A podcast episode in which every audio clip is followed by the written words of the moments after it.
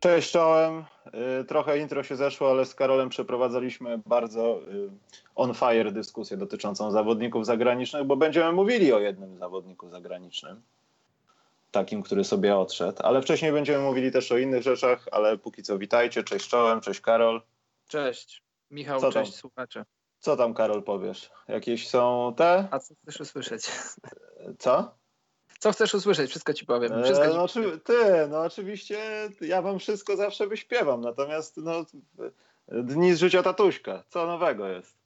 O, fantastycznie. Właśnie zrobiłem kąpiel. Może byłem dwie minuty spóźniony trochę na rozmowę z tobą, ale kąpiel comes first. Tak? Sprawdzasz łokciem temperaturę wody, jak prawdziwa mama? Nie, najpierw sprawdzam, nie, wkładam dziecko jak płacze, to znaczy, że jest albo za zimne, albo za gorące i wtedy dolewam, albo odlewam. Nie, żartuję, no tak, tak staram Sprawdzasz się, na dziecku, tak? żeby, bo nie, żartuję oczywiście, żeby było dobrze. Łokciem nie sprawdzam. Zdarzyło się już, Karol, jakieś fopa, że złapałeś się na czymś, aha, to rozpuszczalnik, jednak nie mogę. Czy jeszcze nie było takich zagrożeń? Nie, jeszcze nie, jeszcze nie. Na razie wszystko jest pod kontrolą. Odpukać. Dob- Dobrze, Karol, ja będę to sprawdzał dosyć często. Dobrze. Eee, Rób to, rób to. Trzeba to zrobić. Poza tym, wiesz, MOPS mi płaci, wiesz, każde dziecko, które jest ukradzione rodzicom za granicą, to jest, wiesz, procenty są dla mnie, wiesz. Pracowałem ostatnio w Niemczech i tam musiałem się wyprowadzić, bo za dużo polskich dzieci kradliśmy. Więc y, a propos polskich dzieci, słuchajcie, y, będzie oczywiście o Manu za moment, a natomiast przejdziemy jakieś takie rzeczy, które się dzieją tu i teraz w NBA. E, nie wiem, Karol, zacznijmy może od tego y, śmiesznego czegoś, co się dzieje w Minnesocie. Znaczy tam się Dobrze. może nic nie dzieje, y, pomijając to, że wszyscy chcą odchodzić, a Tiboda znowu mówi, że on tego nie słucha, bo oni nie odejdą i on chce się skupić na sezonie. I Mateusz napisał, Michał, nadajesz nowe słowom znaczeniom, y, znacz, nowe znaczenie słowom rozpuścić dziecko.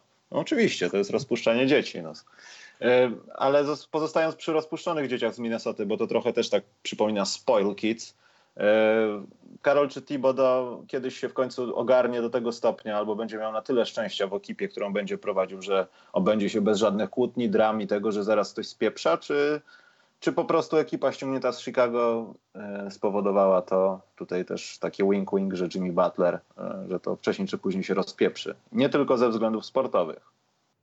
No, w ogóle temat e, Toma Thibodeau to jest temat złożony. Moglibyśmy zrobić kiedyś oddzielny podcast na jego temat.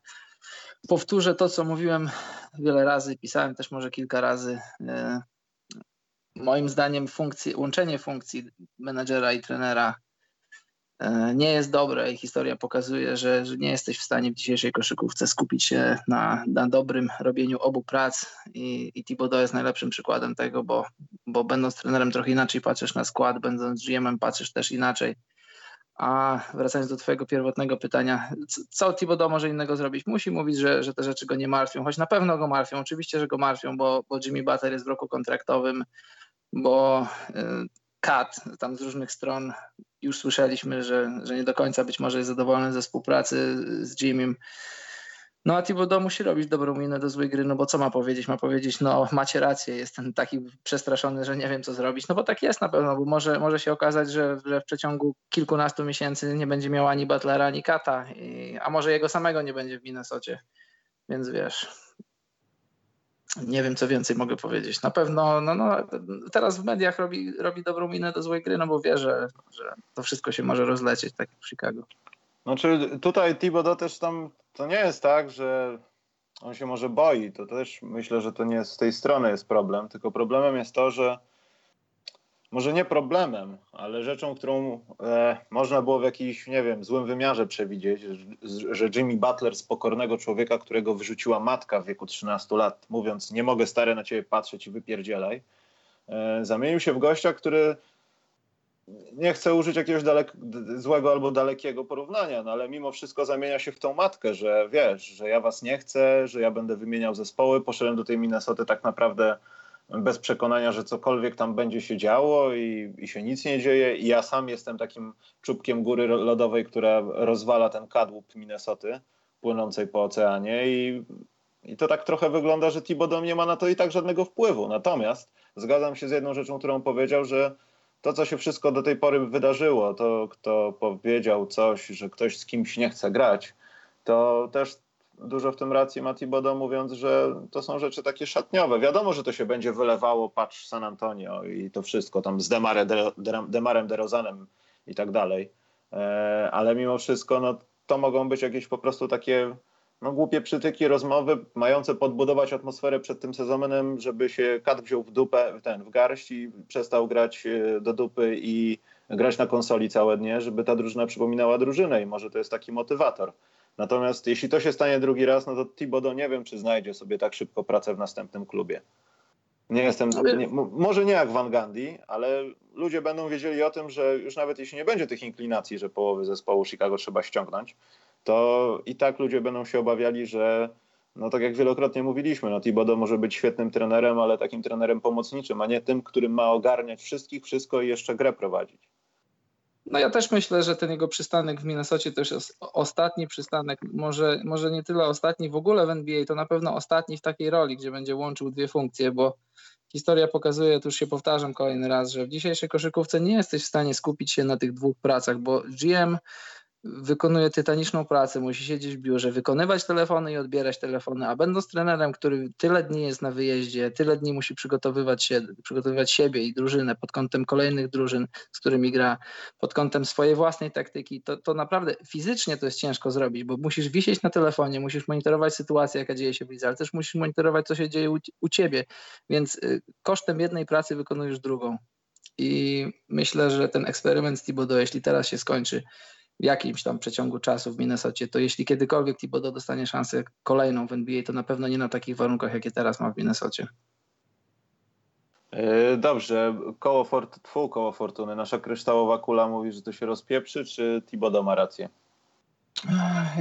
Wiesz co, ja myślę, że tak jak zawsze, albo tak jak bardzo często, prawda jest gdzieś w środku. Thibodeau musi, to znaczy nie musi, ale w jego interesie jest, żeby stwarzać, kreować w mediach jak najlepszy wizerunek swojej drużyny, że wszystko jest dobrze, a to, co dzieje się gdzieś tam nie do końca, nie do końca pozytywnie w szatni, to, to, to na różnych poziomach starać się naprawiać, a przed mediami trochę chować, no bo trochę słabo będzie, jeśli Minnesota podejdzie do sezonu wewnętrznie skonfliktowana, bo jeżeli tam są jakieś konflikty, to ja wiesz, nie wydaje mi się, żeby one były aż takie, że, że ludzie nie potrafią siedzieć koło siebie w szatni i spojrzeć na siebie spojrzeć sobie w oczy, bo e, mówiliśmy też o tym, że być może problemem Jimmy'ego Butlera jest on sam i jego, jego tytaniczne podejście do treningu, do, do meczów, do w ogóle swojej profesji, bo, bo jest naprawdę wąska grupa ludzi, którzy, którzy prezentują ten sam poziom podejścia, treningu i przygotowania co Jimmy. To można by powiedzieć e, LeBron, historycznie Kobe,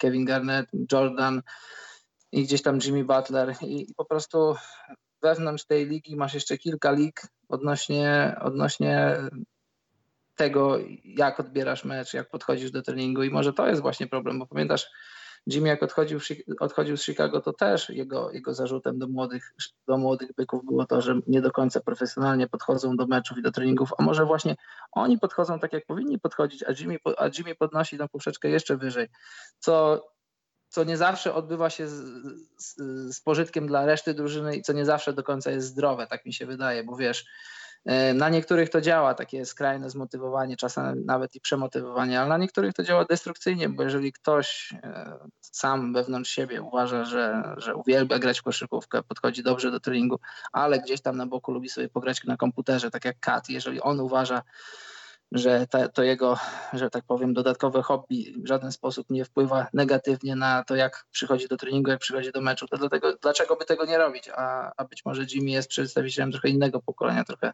tej innej rasy koszykarzy, że jest, wiesz, 100% koszykówki i nic więcej. Dobrze, y, więc mi się z kolei wydaje, że to za sprawą Butlera bądź tego, co on będzie mówił, wszystko jedno w jaki sposób chciałby, żeby to zostało użyte, to ten projekt Minnesota zakończy się, myślę, no, za rok będziemy rozmawiali o tym, gdzie wszyscy zawodnicy poszli i ktoś tam może został. I obstawiam, że zostanie to jakiś, jakiś, e, Wiggins na przykład, e, który będzie tam, bo może nie do końca będą chcieli go władować w jakąś paczkę transferową, ja wiem, nowy kontrakt i tak dalej, E, ale Kat i, i, Butler będą tymi zawodnikami, których, e, których będą chciały inne kluby, jeśli będzie miało dojść do jakiegoś transferu. Czy nie wiem, tak jak w przypadku Butlera, podpisu gdzie indziej. No, gdybym, gdybym, gdybym ja miał stawiać pieniądze teraz, to też powiedziałbym, że, że Jimmy Butler e, w kolejnym sezonie nie będzie zawodnikiem Minnesoty. I ciężko powiedzieć, czy dogra, czy nawet dogra ten sezon do końca, bo zakładam, że e, wiesz, on teraz odrzucił kontrakt, wszyscy wiemy, mówiliśmy też o tym i w wakacje będzie wolnym agentem. No i teraz klub bardzo dużo zaryzykuje. Jimmy też zaryzykuje, ale w ogólnym rozrachunku nie aż tak dużo, bo, bo, bo wiemy, jak wygląda matematyka tych, tych kontraktów nowych, że w zasadzie przez 4 lata pieniądze są identyczne. To, to jest piąty rok, który robi różnicę, ale, ale piąty rok, jeśli podpiszesz w innym klubie, jeżeli na przykład zwiążesz się kontraktem na mocy powiedzmy 2 plus 1, 3 plus coś tam, to, to na koniec te, te 5 lat wychodzi na to samo, a, a później kluby, twój nowy klub nabywa twoich pra, praw Berda, więc w zasadzie wychodzi na to samo. I wydaje mi się, tak jak tobie, że, że w przyszłym roku Jimmy'ego już nie zobaczymy w Minnesocie, a być może nawet i zmieni klub w trakcie rozgrywek, bo gdybym był Minnesotą, to nie, to nie, nie chciałbym ryzykować odejścia Jimmy'ego za darmo. Dobrze, więc sytuacja z Minnesotą jest ogarnięta przynajmniej przez nas. E, Karol, ja wprowadzam taki, nie mówiłem ci o tym elemencie, ale nie rozmawialiśmy o tym tydzień temu.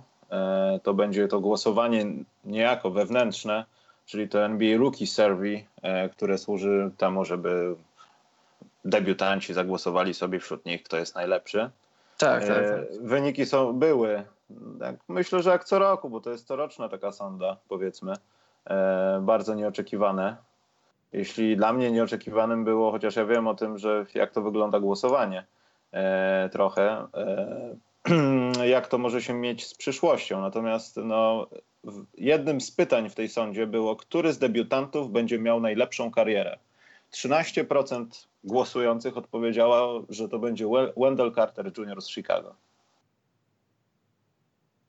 I chyba z tego głosowania mogą być niejako wyrzuceni ci topowi, czyli Doncic, Ayton i tak dalej. E, nie doczytałem tych, tych zasad, natomiast tak podejrzewam może być, bo w dalszych, w dalszych nazwiskach, nie wiem, na drugim miejscu jest Kevin Knox i Jerome Robinson z Clippers. DeAndre mhm. Ayton jest, przepraszam, jest na trzecim miejscu i prowadzi, bo to jest taka grupa, która ma 7%. No i tak się zastanawiam, czy to jest tak trochę bardziej wiesz, jak 18, 19, nawet 20-latek może podejść do takiego głosowania. A tam walnę sobie ten punkcik dla jaj. Czy to faktycznie jest tak, że oni w sobie coś takiego widzą, że a Wendell jest faktycznie inny od nas? Wiesz co, to jest bardzo dobre pytanie, na które ja nie znam odpowiedzi, bo e, staram się wejść w głowę któregoś z tych debiutantów i powiedzmy ja, ty i, i, grupa naszych znajomych, szeroko rozumianych znajomych wchodzimy do NBA i ktoś nam zadaje pytanie, który z nas będzie miał najlepszą przyszłość i ja głosuję na kogoś i nie wiem czym się kieruję, poza tym, że faktycznie tak uważam. Czy naprawdę uważasz, że oni wszyscy uważają, że Wendell Carter Jr. będzie miał najlepszą karierę sportową? No ja nie wiem, ciężko jest mi się z tym zgodzić i w ogóle jest mi ciężko zaakceptować fakt, że Luki Doncice nie ma w, w, umysłach, w głowach tych młodych chłopaków, bo pytanie brzmi, który debiutant będzie miał najlepszą karierę, więc, więc y, podchodząc do tego pytania tak jeden do jednego, jak to pytanie brzmi, to Luka Doncic już wygrał dużo więcej niż ci zawodnicy wygrają w swoich życiach. Tak, bo... Karol, ale poczekaj, że, żebyś no. jeszcze bardziej to zhejtował, to jest jeszcze inna kategoria. Y, kto, który z tych tegorocznych przyszłosezonowych debiutantów będzie najlepszym rozgrywającym. 35% tak, tak, tak, głosów to Trey Young, 15% no. głosów to Jalen Brunson z Dallas, natomiast na trzecim miejscu jest trzech gości z 9% i to jest Shai Gilgius Alexander, Colin Sexton i Luka Doncic. No właśnie. I niejako mam z tym problem. Ja mam z tym bardzo duży problem. Dla mnie to jest kpina, bo, bo, bo masz człowieka, który wygrał Euroligę. Ja wiem, że za oceanem, czyli w Stanach, patrząc z naszej perspektywy, trochę, może już w dzisiejszych czasach trochę mniej, ale nadal w pewnym sensie patrzy się z przymrużeniem oka na, na rozgrywki różnego rodzaju, rozgrywki w Europie. Ale jeżeli chcesz mi powiedzieć, że wygrywając ligę, wygrywając Euroligę i będąc jej MVP, to jest nic a może, może nie tyle nic, to, no nie, no, to jest nic, o, coś, o czym nawet nie jesteś, nie, na, na, nie warto wspomnieć. Może tym ludziom się wydaje, że każdy z nich mógłby sobie wejść i, i wygrać Euroligę, bo, bo to, co robił Doncic, on nie robił tego w jakiejś tam drużynie, która sobie tam grała w Eurolidze, on robił to w czołowej drużynie Ligi Hiszpańskiej, w czołowej drużynie Euroligowej. To, to, to nie było tak, że był on i, i, i grupa jakichś tam koszulek bezimiennych, tylko on był w poważnym systemie, w poważnym klubie i on był twarzą tego systemu i tego klubu. Ludzie nie są, ludzie w Stanach nie rozumieją tego, nie są w stanie sobie tego uświadomić. Pamiętasz, była taka wypowiedź Barclaya, że skoro 18-latek wygrywa takie rozgrywki, to, to, nie, to, to nie tyle o nim dobrze świadczy, co świadczy źle o tych rozgrywkach. Dla mnie to jest, to jest po prostu kpina i stawiam kropkę. Kolejnym yy i też patrzę na to pytanie, bo było w zeszłym roku i w poprzednich latach. E, już nie mówię tutaj o personalnych rzeczach, tak? bo tutaj te, zaraz tam przejdziemy do jednej kategorii też na chwilę. Można też być zaskoczonym. Natomiast było jedno pytanie. Która z rzeczy będzie dla ciebie największą trudnością e, w tym zawodowym sezonie? Żeby przejść ten transfer z NCAA do NBA i tak dalej. Na pierwszym miejscu, jak przed rokiem, tylko że widzę, że inaczej jest zadane trochę pytanie, bo w tym roku jest tempo gry.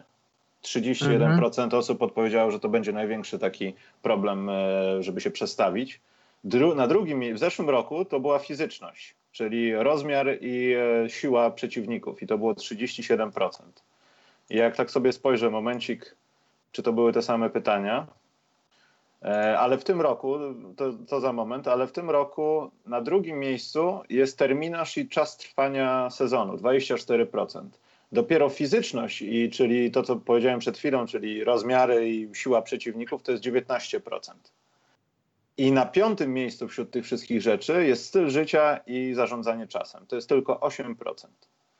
I tak się zastanawiam, skąd ta zmiana, wiesz? E, mhm szybkość gry, nie chcę stwierdzić tutaj jakiegoś czegoś złego, no bo Krzysztof Kosidowski i Sebastian Hetman mogliby mnie zabić albo przyklasnąć, ale wydaje mi się, że grając w NCAA tempo gry jest na tyle duże, pomijając to, że tam może wokół tego nie być tego wszystkiego, nie wiem, jak talent, jak, jak skuteczność, jak dobra gra, tylko jest szybkość, po prostu biegają ludzie. E, to i tak przeskok między tą szybkością, a tą, co jest w NBA, plus minus, nie wiem, Golden State Warriors czy Houston z jakimiś chorymi cyframi, to i tak nie jest taka duża przeszkoda. No, ale jak weźmiesz pod uwagę, że w NCAA masz 35 sekund na, na rozegranie akcji, nie 24 i, Owszem, i raczej Karol, drużyny, ale, ale raczej drużyny starają się egzekwować. Tak, ale w tych 35 sekundach wielokrotnie przebiegasz więcej niż najszybsze zespoły NBA w 24, bo tam czasami gra nie ma sensu. Tu się odbiła piłka jak kurczaki bez głowy. Biegasz w jedną do drugiej, czasami to się kończy punktami. I o takim tempie mówię, wiesz, y, no, samą ale fizycznością wiesz, dasz jasne, radę. Ale, ale też jest, tak jak mówisz, bieganie jak kurczak bez głowy, a bieganie po prostu szybkie tempo gry. I tu akurat ja z tym pytaniem nie mam problemu, tutaj akurat z tymi odpowiedziami też nie mam, bo e, bo naprawdę gra w NBA to jest gra, która jest, jest, jest dużo szybsza i, i bardziej fizyczna. To jest, to jest taka rzecz, którą każdy zauważa, kto, kto ma, miał styczność z koszykówką w wydaniu FIBA, a później przeskakuje na koszykówkę amerykańską. To jest rzecz, do której musisz się dostosować. Możesz być, e, możesz dobrze kozłować, dobrze rzucać, ale moment, w którym dochodzisz do swojej pozycji, moment, w którym wychodzisz po zasłonach, okazuje się, że masz taki malutki margines błędu, tak mało czasu, żeby złożyć się do swojego rzutu, żeby dojść do miejsc, w których czujesz się komfortowo oddając swoje rzuty, że okazuje się, to znaczy nie okazuje się, że dla wielu wyglądasz jako zawodnik pomylony, zawodnik słaby, a tu się okazuje, że nie, ty nadal jesteś dobry, tylko po prostu tempo gry i, i, to, w jaki sposób te mecze NBA są rozgrywane, to jest coś, do, do czego musisz się najbardziej dostosować. Mam wyniki sprzed roku i tutaj jest taka, no teraz zauważyłem to dosyć, e, może nie zaskakująca rzecz, ale rzecz, o której nie wiem, może zawodnicy raz się dowiedzieli, bo nie wiedzieli wcześniej, ale w tych trzech pierwszych rzeczach, tak jak powiedziałem, no pierwsze to jest szybkość gry, potem jest terminarz e, w tym roku, tak? A na trzecim miejscu są te względy fizyczne. W zeszłym roku terminarz był trzeci i miał 15% i dwa pierwsze miejsca to były te rzeczy koszykarskie. E, w tym głosowaniu wyszło tak, że długość sezonu jednak jest na drugim miejscu. Ja wiem, że to są jakieś szczegóły, nie ma się co tego czepiać, ale z drugiej strony nie widzę nigdzie głosowania, musimy się przystosować do rzucania za trzy punkty z 10 metrów. Wiesz, czy to nie jest zaprzątanie uwagi, że o, będziemy teraz zawodowcami, będziemy jeździć 20, 82 spotkania, nawet w G-League, ale tak nie do końca myśli się o samej grze, bo wiesz, obrony tutaj nie widzieliśmy. No trochę tak. I, i, to jest też temat, o którym się mówi. I wiesz, młodzi zawodnicy to podchwytują, bo, bo często teraz no, dziennikarze zadają koszykarzom NBA pytanie, czy nie uważacie, że sezon powinien być krótszy. I do tych ludzi, którzy napływają do ligi, te tematy gdzieś tam też napływają i wiesz, ja nie wiem, jak to wygląda, w jaki sposób to jest zadawane, czy to jest test, ty wiesz, jak to wygląda, czy to oni mają ileś, czy mają oni odpowiedzi, czy mają, czy to są otwarte pytania, bo jeśli to jest test... Nie, nie, to ja wiem, że to wygląda na takiej samej, w ogóle przechodzi to mniej więcej tak samo jak głosowania, nie wiem, e, zawodników na mecz gwiazd. Masz formularz, masz kropki, musisz wybrać. To, no właśnie, czyli to, są, jest, to, to, to są pytania... Nie ma wielokrotnego wyboru, tak. wiesz. Nie ma, czy jest? Nie, nie ma. Znaczy w niektórych pozycjach pewnie jest, ale w tych, które tutaj czytam, na pewno nie, bo to by, nie Jakaś miałoby sensu. Gru, grupa zagadnień do wybrania. I akurat mhm. ja, to, to, to, że jest różnica z, z rokiem poprzednim i, i, z wcześniejszymi latami, to, to w sumie znaczy, nie jest aż takie, aż takie znaczące, no bo... E, grupa ludzi jest inna, tak? A, to e, prawda, na inne pytania odpowiadają, ale na przykład jedno z tych pytań, które właśnie przejrzałem i nie pojawiło się w poprzednich latach, jeśli chodzi o tą kategorię, to jest, cytuję po angielsku, not having ball as much.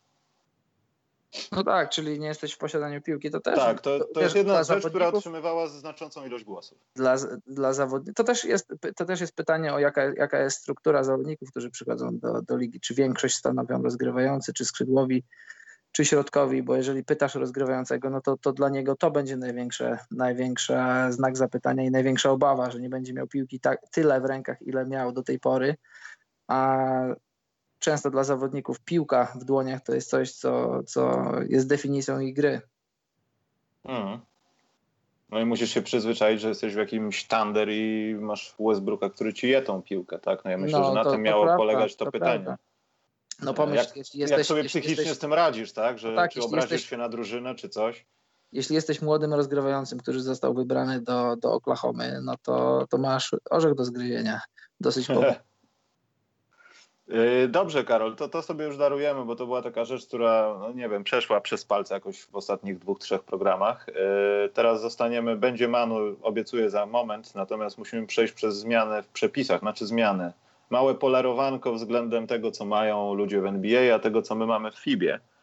E, Karol się tym, temu oczywiście jako sędzia y, przypatrywał. E, Karol, to ma jakikolwiek sens, że oni teraz będą to robić. Oczywiście to nie jest postanowione. Oni chcą głosować te zmiany i zmiany głównie dotyczą postrzegania fauli i e, resetowania zegara, jeśli chodzi o 14 sekund po zbiórce ofensywnej. E, wiesz co, tak, to jest dobre okazało, bo ja na początku byłem taki trochę sceptyczny, jeśli chodzi o ofensywną zbiórkę i przekasowanie do 14 sekund, a nie 24. Teraz mi się to podoba i jak to się sprawdzi w NBA też myślę, to znaczy jeśli zostanie to przegłosowane, podejrzewam, że zostanie. Też będzie Bo te 14 sekund zostało, ja nie chcę powiedzieć ciepło przyjęte, ale bez jakiegoś względnego E, krzyku był eksperymentowany nawet w WNBA podczas ligi letniej gdzieś tam. Także to też nie było tak, że nagle zrobimy to, bo napatrzyliśmy się na fibowską koszykówkę. No. E, także myślę, że to jak najbardziej stestowany ruch, no i jeśli to tylko zostanie przegłosowane, no to nie wiesz, się 10, Tylko jak 10... wpłynie na grę, wiesz, jak to wpłynie no to, na grę po prostu. No właśnie chcę powiedzieć, 15 y, lat temu, 10 lat temu to byłoby coś, to byłoby takie wow, troszkę rewolucyjne. Ale dziś w dzisiejszej koszykówce, kiedy zawodnicy mają, mają carte blanche, mają zielone światło na narzucanie trójek w kontrze, na oddawanie rzutów, y, jeśli tylko jesteś otwarty bez względu na to, bez względu na zegar, to, to dzisiaj to jest taki mały szczegół, powiedzielibyśmy szczególik, y, jeśli chodzi o, o grę. To, to raczej aż tak dużo nie zmieni jak dla mnie to będzie tylko detal. To w, w, zbyt duży sposób, a raczej w marginalny sposób wpłynie na, na sposób rozgrywania meczów, na to, jak będą wyglądały, na to, jak będzie wyglądała taktyka. Raczej niewiele się zmieni. Taka kosmetyczna zmiana, oczywiście idąca w kierunku tego, żeby gra była jeszcze szybsza, jeszcze bardziej płynna, co ja myślę, że w wydaniu NBA nie było aż tak bardzo konieczne, bo, bo tak jak mówię, drużyny już od, od ładnych paru lat grają szybko, no ale skoro NBA w to idzie, to myślę, że tutaj większe zmiany dotyczyły, znaczy dotyczyły, e, będą dotyczyć tych e, kontaktów. bo nie chcę tam za bardzo wybiegać i tak dalej, ale jakby tak było w NBA, że w NBA zaczęłoby się bawić w te rzeczy, które mamy w FIBie, czyli ten e, RSBQ i tak dalej, e, te wszystkie pozycje, czy on jest jednak faulowany, czy jednak nie jest faulowany, to serio taśmy by zabrakło w centrum w Syracuse, żeby to roz, roz, rozstrzygać podczas kolejki, która ma 12 spotkań w ciągu doby. Tak, wiesz co, ja powiem Ci szczerze, ja jeszcze nie czytałem tych proponowanych zmian, bo one jeszcze, tak jak mówiliśmy, jeszcze nie są przegłosowane. E, I jeżeli e, zgaduję teraz, Ty czytałeś, to możesz mi powiedzieć. E, jeśli nie czytałeś, to czytałeś? Czytałem. No to na czym ma polegać ta zmiana, jeśli chodzi o clear path foul? Nie jest napisane wprost, co miałoby to oznaczać. Znaczy jest rozpisane na przypadki, że nie okay, wiem, bo jeśli, jeśli, jeśli to, no to, się dzieje, ma być uproszczenie. Oni to nazywają tak, simplification i, i tyle. Tak, to ja bardzo przyklaskuję temu, bo, bo uważam, że akurat w tym aspekcie interpretacji i rozumienia gry jesteśmy o wiele, o kilka lat, a może o, o, o kilka tygodni, jeśli to przejdzie i tak to będzie wyglądało, ale jesteśmy naprawdę o duży krok przed NBA, bo w naszym fibowskim rozumieniu, jeżeli kontakt ma miejsce z boku, z tyłu, mówimy o zawodniku będącym w kontrze jeden na jeden z koszem, nie musimy robić video review, nie musimy sprawdzać, czy tam ktoś był na linii, czy nie. Faworyzujemy atak po prostu. Jeżeli, jeżeli zawodnik obrony, mówiąc kolokwialnie, minął się z piłką, piłka nie była jego, jego celem, w ewidentny sposób starał się za, zatrzymać zawodnika, a, a, ewidentnie widać, że chciał, starał się tylko skasować kontrę. Dajemy po prostu nie sporta, dwa, dwa rzuty i piłkę z boku i nie bawimy się w video review, nie musimy sprawdzać fotokomórki, czy, czy wiesz, bo czasami naprawdę jak oglądasz NBA i oglądasz FIBę,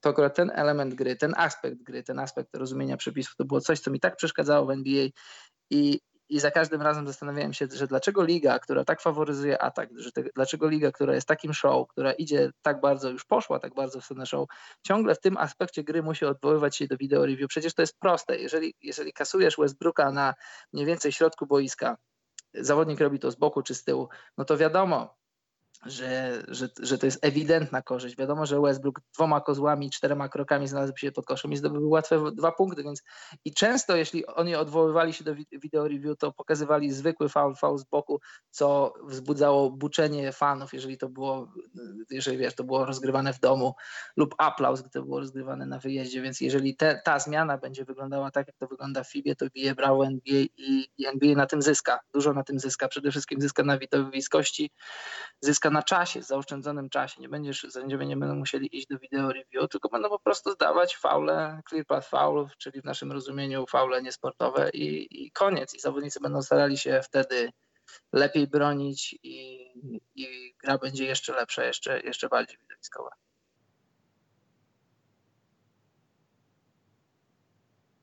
Halo Michał, oddaję Ci głos. Oddaję głos do Warszawy.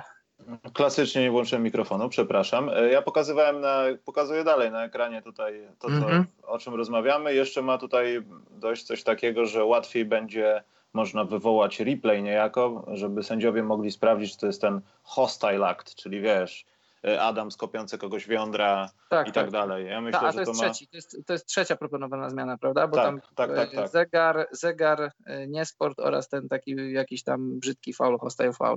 To jeżeli ja to rozumiem tak jak, tak jak teraz powiedziałem, bo tak jak mówię, przyznaję, jeszcze tego nie czytałem, mam zamiar to zrobić w najbliższych dniach. Jeżeli tak to będzie wyglądało, to biję temu brawo i cieszę się. Im mniej wideo review w, w miejscach, gdy nie jest to potrzebne, im więcej rozumienia koszykówki z jej duchem, y, to, to, ja, to ja się cieszę, bo sami wiecie, że video review w ostatnich latach jest za bardzo rozbudowane i za bardzo ściąga odpowiedzialność sędziów. Świadomie lub podświadomie sędziowie z tego korzystają i to nie jest dobre dla, dla gry. Dobrze, więc y, tą sprawę mamy za sobą. Poczekaj, Karol, muszę tutaj posprzątać, bo coś mi się poprzesuwało. No teraz przechodzimy na temat, żeby nie płakać y, za kimś Argentyno. Y, Karol, gdzie w twoim miejscu jako All-Star albo jako, nie wiem, najlepszych zawodników spoza USA jest Manu Ginobili? No na pewno mam Manu w pierwszej piątce zawodników spoza USA all time. Kropka. Mam go w pierwszej. Kropka. Nie, no bo chciałem coś tu jeszcze powiedzieć, ale co mogę? No pytasz, gdzie go mam? No mam go w pierwszej piątce zawodników spoza Stanów Zjednoczonych. I na pewno w moim rozumieniu jest już na pewno, to znaczy to jest formalność, czy będzie zawodnikiem Hall of Fame, bo na pewno będzie. Znaczy zdziwię się, jeśli nie będzie. E, nie chcę mówić, że to była bardzo jakaś strasznie nie, nieprzewidziana decyzja i tak dalej. E, też może trochę tak się stało. Ja tam pomijam wszystko, jak tam Manu się czuje w środku, no bo to jest 40-letni facet, 41-letni. 41 nawet. No. E, który już ma, jest schorowany powiedzmy przez to, że grał w NBA. No, no ale za, zawsze zostawiał ciało.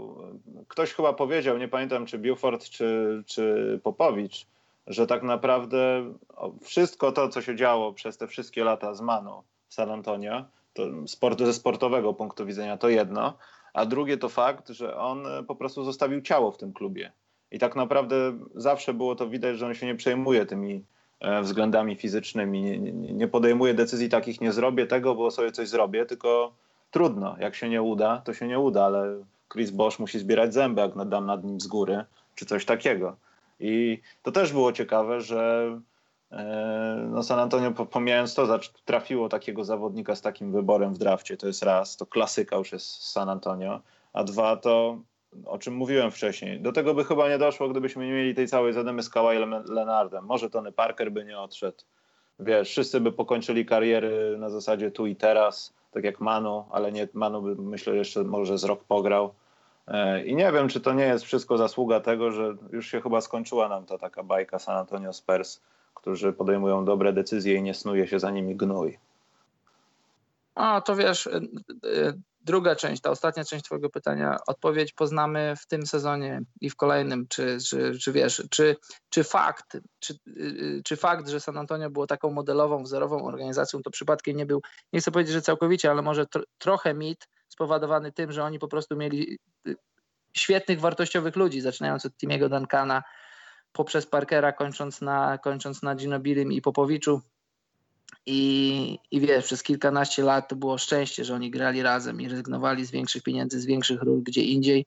Grali razem i razem wygrywali. Teraz zobaczymy, ile, ile warte jest San Antonio bez, bez ludzi, którzy tworzyli to San Antonio przez kilkanaście lat. I to jest, to jest bardzo dobre pytanie i sam jestem ciekaw, jak to wszystko będzie wyglądać, bo San Antonio jest, cały czas San Antonio jest. Masz Popowicza, masz Bufforda, masz cały czas y, właściciela na swoim miejscu, a teraz masz zmianę pokoleniową, kończy się pewna era odszedł już ostatni z tych wielkich mistrzów, którzy, którzy pamiętają ten tytuł przed 2014 rokiem. Te tytuły, bo przecież bo przecież Gino wygrał, Manu Gino wygrał cztery tytuły w San Antonio i ja no. jestem bardzo ciekaw, jak to będzie wyglądać, bo tak jak mówię, na ile, na ile San Antonio byłoby tym San Antonio, gdyby nie ci ludzie, którzy je tworzyli, to, to przekonamy się w najbliższym sezonie, w dwóch sezonach, trzech, kiedy już bez tych postaci w szatni, jak to będzie, kto, kto, kto wejdzie w te buty, kto wejdzie w te role i jak to będzie wyglądać. E, jak myślisz, czego będzie najbardziej. Ja nie mówię też, to, to ciężko mówić o kimś, kto ma 40 lat i już teoretycznie od 3 lat umiera w jakiś tam sposób, ale gra dalej.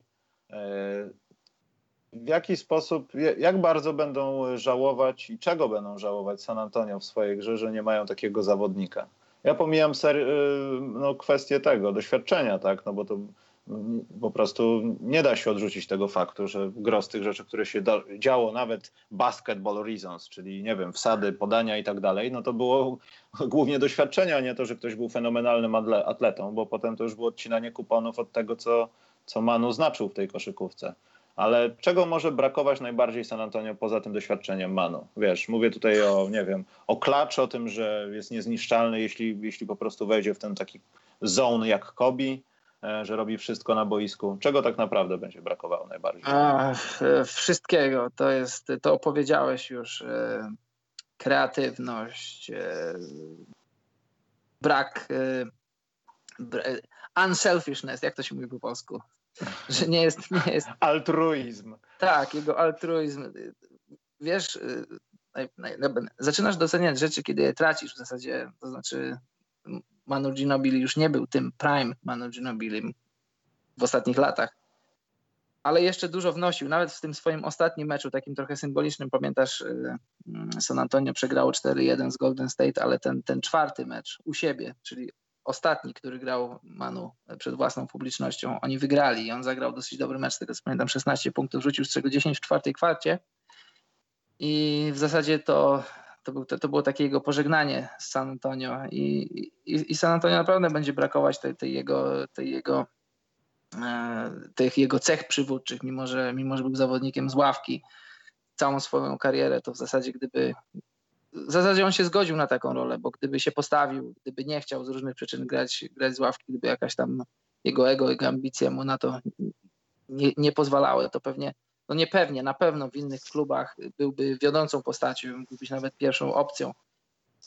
E, to, to, to, to nie tylko San Antonio, ale ogólnie w NBA teraz brakuje takich ludzi, którzy dobrowolnie, świadomie e, rezygnują z grania pierwszych skrzypiec, a, a, po, a w 100% poświęcają się drużynie, bo jak pamiętasz, na przestrzeni lat Manu mógł zarobić większe pieniądze w innych drużynach, mógł mieć inną rolę, lepszą rolę, większe minuty w innych drużynach, a, a zawsze na końcu udawało mu się zostać w San Antonio, bo przede wszystkim chciał to zrobić.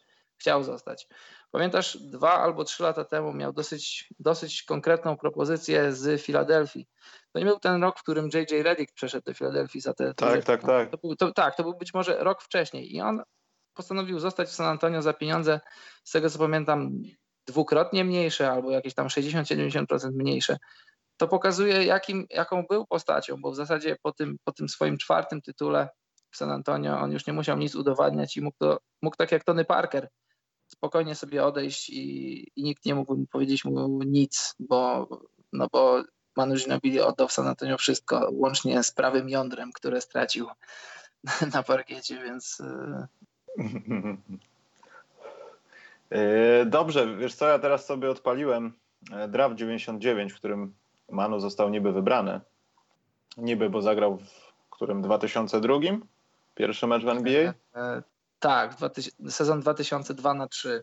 Tak, rozpoczął sezon, tak. Tak. tak. E, draft 99, no to już nie będę mówił, Brand Francis, e, Baron Davis, Odom, ale patrzę na dalsze nazwiska, bo Manu Przypomnij został wybrany. Tylko, przypomnij no. tylko, że z 57 numerem. Dokładnie chciałem to powiedzieć. 57 numer, czyli przedostatni wybór drugiej rundy draftu, bo NBA już wtedy była dwurundowa, a to było 20 lat temu. I przed nim e, w drugiej rundzie na przykład e, został przez Filadelfię wybrany Todd McCulloch. E, wszyscy wiedzą, jak ten zawodnik grał. Jeśli nie wiecie, to wpiszcie sobie gdzieś, był rudy. Przejdźmy dalej. I pamiętasz, on, no. on, później dostał jakiegoś porażenia stóp i został zawodowym graczem we flipery. Tak, Pamiętasz? dokładnie. Widziałem taki dokument i on tak trzaskał w te flipery. To prawda, no. E, przed nim jeszcze e, z numerem 43, ale mało kto pamięta, był taki zawodnik Lee Nailon, Pamiętam. Ja pamiętam, e, ale z 41 numerem reprezentant Holandii, e, zawodnik, który może będzie na meczu Polska-Holandia, bo on zawsze się szlaja za, e, za kadrę Holandii, chyba coś tam robi. Francisco, Francesco Elson, czy Francisco Elson. Czy Pamiętasz, poznaliśmy go, poznaliśmy go w Londynie osobiście. Tak, tak, tak, tak. Pojawił się znikąd. Przed Bardzo nim był wybrany Gordon Giriczek, także to też było ciekawe nazwisko. Ciekawa druga runda. Potem wcześniej był jeszcze Wang Zizi, który miał być kolejną nadzieją z Chin, ale czyli oczywiście. Można, czyli można powiedzieć, że drużyny strzelały w tych internacjonałów, a Spurs trafili. E, I teraz mam poważną zagwostkę, ponieważ na początku drugiej rundy, w ogóle ta druga runda powinna być nazwana drugą rundą śmierci, ale to chyba jest on.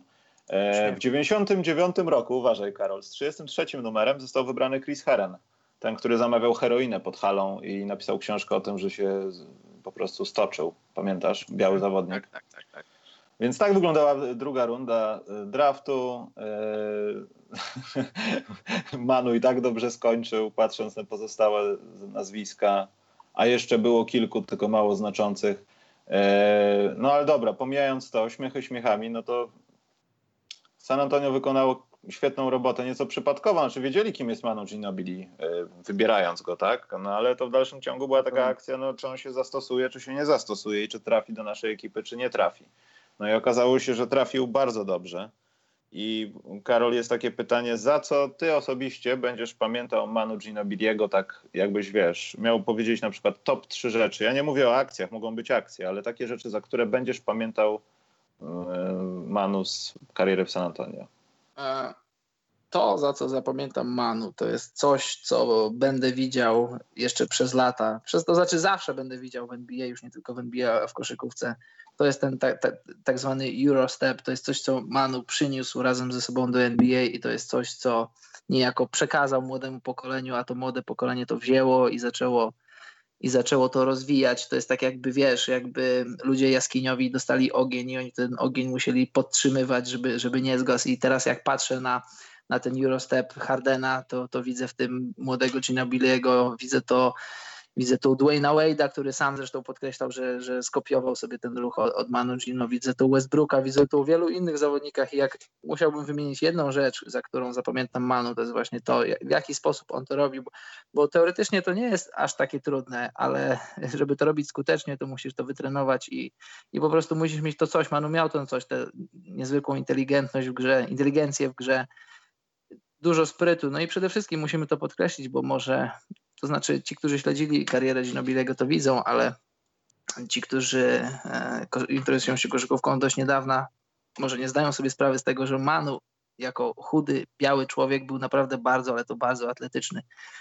Jeżeli zobaczycie sobie jego najlepsze akcje, jego highlighty, to był naprawdę niezłym atletą, niezłym skoczkiem i nie bez przyczyny był nazywany argentyńskim Jordanem to, to jest właśnie ta rzecz, ten, ten Eurostep, to jest rzecz, to jest pierwsza rzecz, bo zapamiętam go oczywiście za wiele rzeczy, ale ten Eurostep to jest coś, co, to, co tak jak mówię, będę to widział, cały czas widzę teraz w koszykówce, już nie tylko NBA, ale to rozlało się na cały świat i naprawdę to jest rzecz, to jest naprawdę rzecz, to jest takie trochę paradoksalne, że w lidze NBA, która ma takiego dzika na punkcie atletyzmu, na punkcie pracy nóg, przychodzi biały Argentyńczyk i, i wprowadza coś, co, co wszyscy podchwytują i, i na swój sposób rozwijają, bo teraz masz różne wariacje tego, tego zagrania.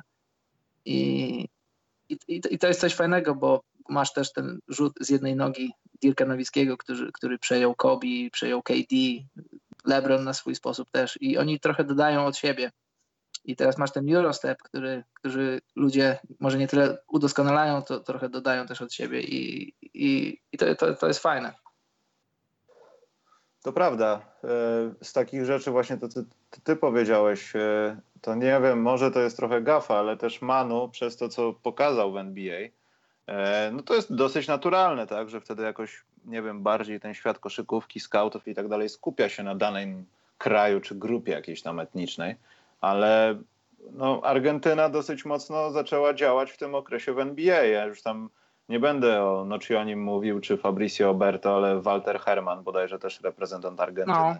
To była też taka Scola. ich, Luis Scola, dokładnie. To też była ich taka, nie chcę powiedzieć porównywać do naszych chłopaków U17, ale taka złota generacja argentyńskiej koszykówki. No, to prawda. E, I to też w jakiś sposób, ja nie chcę twierdzić, że się uruchomiło, bo tak naprawdę, no to kiedy ci ludzie, o których powiedziałem przed chwilą e, i kilku innych zresztą też, wchodzili do NBA, czy mieli coś znaczyć na tej zawodowej koszykówce, to wyglądali już jak 40-letni panowie, mimo że nie mieli 40 lat. E, Luis Scola, no to od zawsze, no on był za młody na Heroda od zawsze, moim zdaniem. on, się, on, się, on się w ogóle urodził z zarostem i z papierosem no. w ale wiesz, czasy, kiedy Walter Herman szarał, szalał w Charlotte Bobcats i w fantazy był dzikiem i wybierałeś go na dwa tygodnie, bo czesał double-double, no były takie, no i wtedy wiedziałeś, no, człowieku, że przecież stary. Tak śmiechem, żartem Walter Herman to wyglądał jak, jak y, mitologiczny Thor. No, no, ta, ta, ta taka fryzura. Wielkie dłonie. Carlos Delfino, przecież by zapomniał. właśnie, Carlos Delfino, oczywiście. człowieku. Nie, tak, no ale i... wiesz, śmiechem, żartem, to, to Manu Ginobili otworzył drogę dla dużej grupy Argentyńczyków, ale nie tylko, bo przecież y, ogólnie San Antonio było, było organizacją, która jedna z pierwszych tą swoją siatkę scoutów wysłała na cały świat.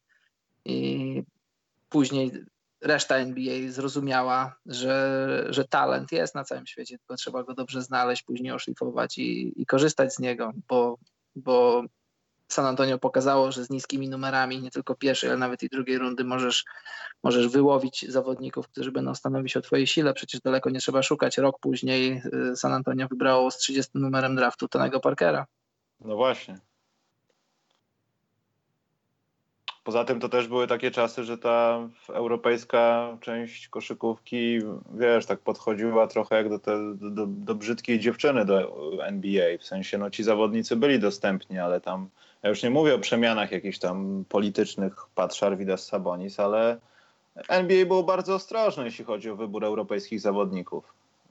Tam, no w tych latach, no co, no, Mark Cuban zaryzykował, dobra, biorę tego tenisistę z Niemiec Wiesz. To, to prawda, tak, jasne. I dlatego właśnie ci, którzy odnieśli ten pierwszy sukces, no, Nowicki, Ginobili, Parker, oni utorowali drogę dla tych innych wszystkich no już nie chcę powiedzieć Gortatów, ale no powiedzmy Gortatów, tych wszystkich Antetokounmpo i różnych innych zawodników, y, Jokiczów, Nurkiczów, bo, bo widzisz, y, Jokic był przecież którym 47 numerem draftu i tu konstone Rafała Jucia, który go gdzieś tam w górach Serbii, Bośni czy gdzieś tam Bałkanów znalazł. Rąbiąc drwa i nosząc kozy jednocześnie tak, na ramieniu, bo tak. uciekły nosząc wodę w wiadrze 40 kilometrów i śpiąc na dnie jeziora w pudełku po zapałkach. No wiesz, i to, to ci ludzie, którzy w końcówce wieku torowali drogę dla, dla, dla tych, którzy przyszli po nich. I, I jakie było twoje pytanie, bo zapomniałem. Nie, takie, czy, czy to była wina Manu, czy po prostu tak się stało trochę, że wiesz, 9.9, Millennium, wiesz, strach, że Windowsy XP ci wybuchną, bo 2000 rok, zaraz jest Sylwester, nie wiesz, czy masz iść na melanż, czy sprawdzić, czy nie sformatuje ci dysku, wiesz, to były te czasy, Karol. I... O, to już, to już, to już, wiesz, to już był ten czas, bo, bo kiedyś nawet i tak, tak fizycznie ciężko było śledzić rozgrywki, e, no, znaczy NBA nie było nam ciężko śledzić, bo mieliśmy telewizję satelitarną i tego typu rzeczy, ale Amerykanom, scoutom, trenerom ciężko było śledzić takie rozgrywki, co tam się dzieje w Serbii, co tam się dzieje w Polsce, w Szwecji czy gdziekolwiek, no bo po prostu nie, nie było możliwości to robić z czasem, to znaczy to, to, to nie jest przypadek, że to się zbiegło w, w, czasie, kiedy zaczął się rozwijać internet, zaczęły się rozwijać podróże, tanie podróże, możliwość podróżowania. I nagle się ta, ta, ta globalna wioska zaczęła się trochę kurczyć i okazało się, że że e, wsiadasz w samolot i za kilka godzin jesteś w całkiem innych okolicznościach e, przyrody, pogody, klimatu, polityki i, i, i tam też masz talent koszykarski, który też możesz wyłowić za tanie pieniądze i, i obrobić te, te diamenty i z nich korzystać. Tony Kukoc, Tony Kukoc to można powiedzieć, że o pół pokolenia, czy nawet całe pokolenie wcześniej, ale w zasadzie Toni Kukoc to był taką trochę egzotyką, takim trochę ewenementem, rodzynkiem, mimo że jakiś tam, od, no znaczy jakiś, no odniósł duży sukces w NBA, ale też nadal cały czas postrzegany był jako coś takiego raczej odstępstwo od, od reguły, bo, bo mimo, że, że był świetny, utalentowany, to myślę, że gdyby przyszedł do NBA 15-20 lat później, to byłby jeszcze lepiej wykorzystany, byłby jeszcze lepszy i mógłby być gwiazdą, chociaż może gdyby nie trafił do Chicago, a trafiłby do jakiejś słabej drużyny, to też mógłby być jeszcze lepszy. No ale ci zawodnicy już, już z końca tysiąclecia, z końca wieku, czyli Manu Ginobili, Parker, Nowicki, to oni tak, tak, tak na dobre otworzyli drzwi dla, dla Europejczyków i ogólnie zawodników z podznaku FIBA. E, dobrze. Jeszcze jedna taka rzecz skojarzeniowa z Manu, bo zaraz pogadamy o jakichś takich typowych akcjach i przejdziemy do najlepszych zawodników zagranicznych w ogóle w NBA to ja wiem, że 2004 rok dla kadry USA nie był łatwy, ale to, co zrobiła Argentyna, też trochę pokazało to i to było wtedy, to było kolejne ostrzeżenie, jak gdyby, nie? Bo tam wcześniej też się działy tak. rzeczy. Mhm. Ale to pokazało już na dobre i to pokazuje do dzisiaj na dobre. Ja wiem, że od tamtego czasu blisko minęło, no co, 15 lat, 14, mhm. no ale będzie w przyszłym roku 15 i yy, zawsze ten rok będzie przywoływany jako to e, w dyskusji, nie wiem, na imprezie. A, pamiętasz, Dream Team? No i potem, no i potem i nagle wchodzisz na 2004 i robi się coraz gorzej. I przeważnie ta dyskusja zbiega do tego, że Team USA był do dupy, że to byli skonfliktowani ludzie albo źle poprowadzeni, albo po prostu słabo wybrani, albo to nie były gwiazdy, bo były lata, kiedy wybierano jakichś e, innych zawodników e, z paszportem USA, ale nie grających w NBA bądź też mających jakąś małą historię w NBA, to, to pokazało, że ta koszykówka z zagranicy w końcu zaczęła doganiać czasy Ameryki. Niezależnie od tego, jak się źle czy dobrze dzieje w Ameryce, jeśli chodzi o koszykówkę. Mhm. I Mano też był chyba tą, jedną z tych postaci, która no, to wygląda trochę jak taka bójka gangsterów w ślepej uliczce, że wchodzi ten mityczny skład USA Basketball i póki co to on wszystkim wpierdzielił, ale nie, dochodzi do końca tej alejki, nagle jest ośmiu typów, każdy jest różnej narodowości i każdy daje mu po prostu postrzale. No i któryś jest ostatni. W 2004 roku Argentyna zadała ostatni cios i USA Basketball chyba upadło, żeby, żeby wiedzieć, że musi, musi poznać swoje miejsce w szeregu i wiedzieć o tym, że trzeba walczyć z ludźmi, a nie ich lekceważyć od razu. No to prawda, zwróć uwagę, zaczęło się od Mistrzostw Świata 2002 w Indianie, na własnej ziemi, Amerykanie na własnej ziemi. Przypomnij mi, bo nie sprawdzałem tego dawno, ale oni zajęli siódme albo dziewiąte miejsce, to było daleko, daleko poza podium, to był wielki blamasz. Mhm. I wydawało się, że dwa lata później, 2004 y, w Atenach, że ta drużyna zbudowana, no jakby nie było z gwiazd, bo to były gwiazdy. Iverson, Marbury, Dwayne Wade, Boozer, Tim Duncan, Lamarodom, Richard Jefferson, wiesz, to nie byli, to nie byli ludzie znikąd, Amari Stademeyer, LeBron James, Camelo Anthony. Tak. I, i, i, gdybyś spojrzał na ten skład, to, to, to ten skład ociekał talentem i, i on miał weteranów, chociażby w postaci Timiego Duncana. E, no i, ale, ale Amerykanie przegrali z różnych przyczyn. Ale ta porażka też ich niczego nie nauczyła, bo dwa lata później, dwa lata później to były Mistrzostwa Świata bodaj w Japonii i oni przegrali z Argentyną. Pamiętasz, e, Papa Lucas zagrał taki świetny mecz. I dopiero wtedy, dopiero wtedy po tych długich, po tych długich ośmiu latach, bo, bo tak, ośmiu latach, ich ostatni sukces to, były, to była Olimpiada w Sydney 2000 i oni musieli czekać osiem długich lat na, na kolejny medal. I można powiedzieć, że te porażki trochę pomogły Team USA i temu całemu programowi, bo zazwyczaj było tak, że, że tam dwa tygodnie przed turniejem zbierał się skład i to zawsze skład był takich trochę odrzutków, ci, którzy nie chcieli grać, gdzieś tam zostawali, mieli jakieś tam swoje jakieś tam swoje usprawiedliwienia. Jeden wleczył kontuzję, jeden się żenił, jeden robił coś innego. I te składy zawsze tak trochę po amatorsku były montowane, ale później już te porażki ich nauczyły i w zasadzie to już jest teraz kontynuowane co roku, że, że ten jest mini camp, drużyny się zbiera, zawodnicy się zbierają, ta szeroka kadra się zbiera i widać, że w ogóle trochę zmienił się klimat, jeśli chodzi o kadrę, że, że to, to w dzisiejszych czasach, w tych, w tych ostatnich latach to nie jest już tak patrz, od, odbierane jak zło konieczne, że zawodnicy lubią przyjeżdżać na ten mini camp Vegas, spotkać się, pogadać, potrenować razem, wymienić myśli, nawet i tak symbolicznie potrenować tymi piłkami Moltena, zawsze jak, jak patrzysz na te, na te urywki z Vegas, to to jest takie no to, to, to jednak robi różnicę, bo jak jesteś przyzwyczajony, że zawodnicy mają te, te piłki pomarańczowe, całe pomarańczowe w dłoniach, a tu nagle grają piłkami Moltena, to przynajmniej dla mnie jest taka trochę różnica i, i po tym 2006, 2007 czy 2008, kiedy wygrali ten, ten swój pierwszy po 8 latach medal, to dla mnie to jest takie, takie znaczące, że teraz Amerykanie już zdają sobie sprawę z tego, że tak, że owszem, że, że mają najlepszą drużynę, że nawet i prawdopodobnie kadra B wygrałaby z kadrą A, drugą, najlepszej, drugą najlepszą kadrą, ale wiedzą, że trzeba do tego podejść poważnie, trzeba się do tego, do tego, trzeba do tego podejść profesjonalnie i, i to jest coś, czego, czego wcześniej Amerykanie nie robili. Trochę byli za, zbyt zarozumiali, zbyt buńczuczni w swoim mniemaniu o swojej wielkości, która na wielu płaszczyznach jest prawdą, ale teraz jeśli masz tylu zawodników internacjonałów w NBA, to, to, to, już nie możesz tak sobie z marszu podejść, potrenować tydzień czy dwa i, i, wygrać tych, ty, wygrać czy na olimpiadzie, czy na jakichś tam mistrzostwach, bo, no bo po prostu już, już, już te czasy minęły, już teraz wszyscy grają w koszykówkę i nie ma amatorów, wszyscy grają za pieniądze i wielu z tych ludzi, którzy na, tych, na tej arenie międzynarodowej stykają się z Amerykanami, na co dzień grają w NBA i to też nie są ludzie jakiejś tam średniej klasy, tylko gwiazdy NBA, gwiazdy NBA z innych krajów.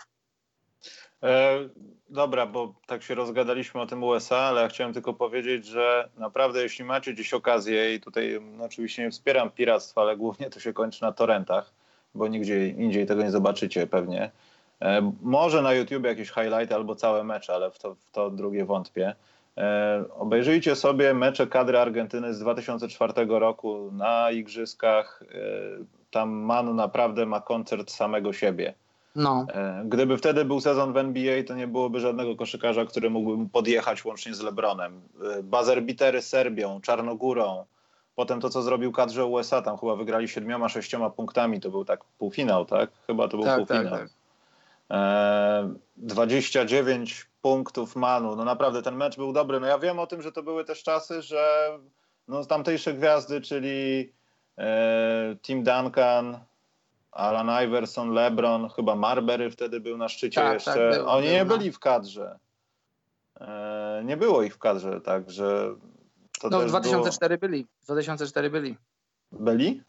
Tak, to mogę wymienić ca całą kadrę 2004. To jest Iverson, Marbury, Wade, Boozer, Carmelo Anthony, LeBron A, James, dobra, okej, okay. czyli nie było Marion tego, Stademeyer, czyli... Duncan, Odom i Richard Jefferson. To naprawdę okay. był mocny skład. On, ale nie było wiesz... Garneta, nie było Nila, nie tak, było tak.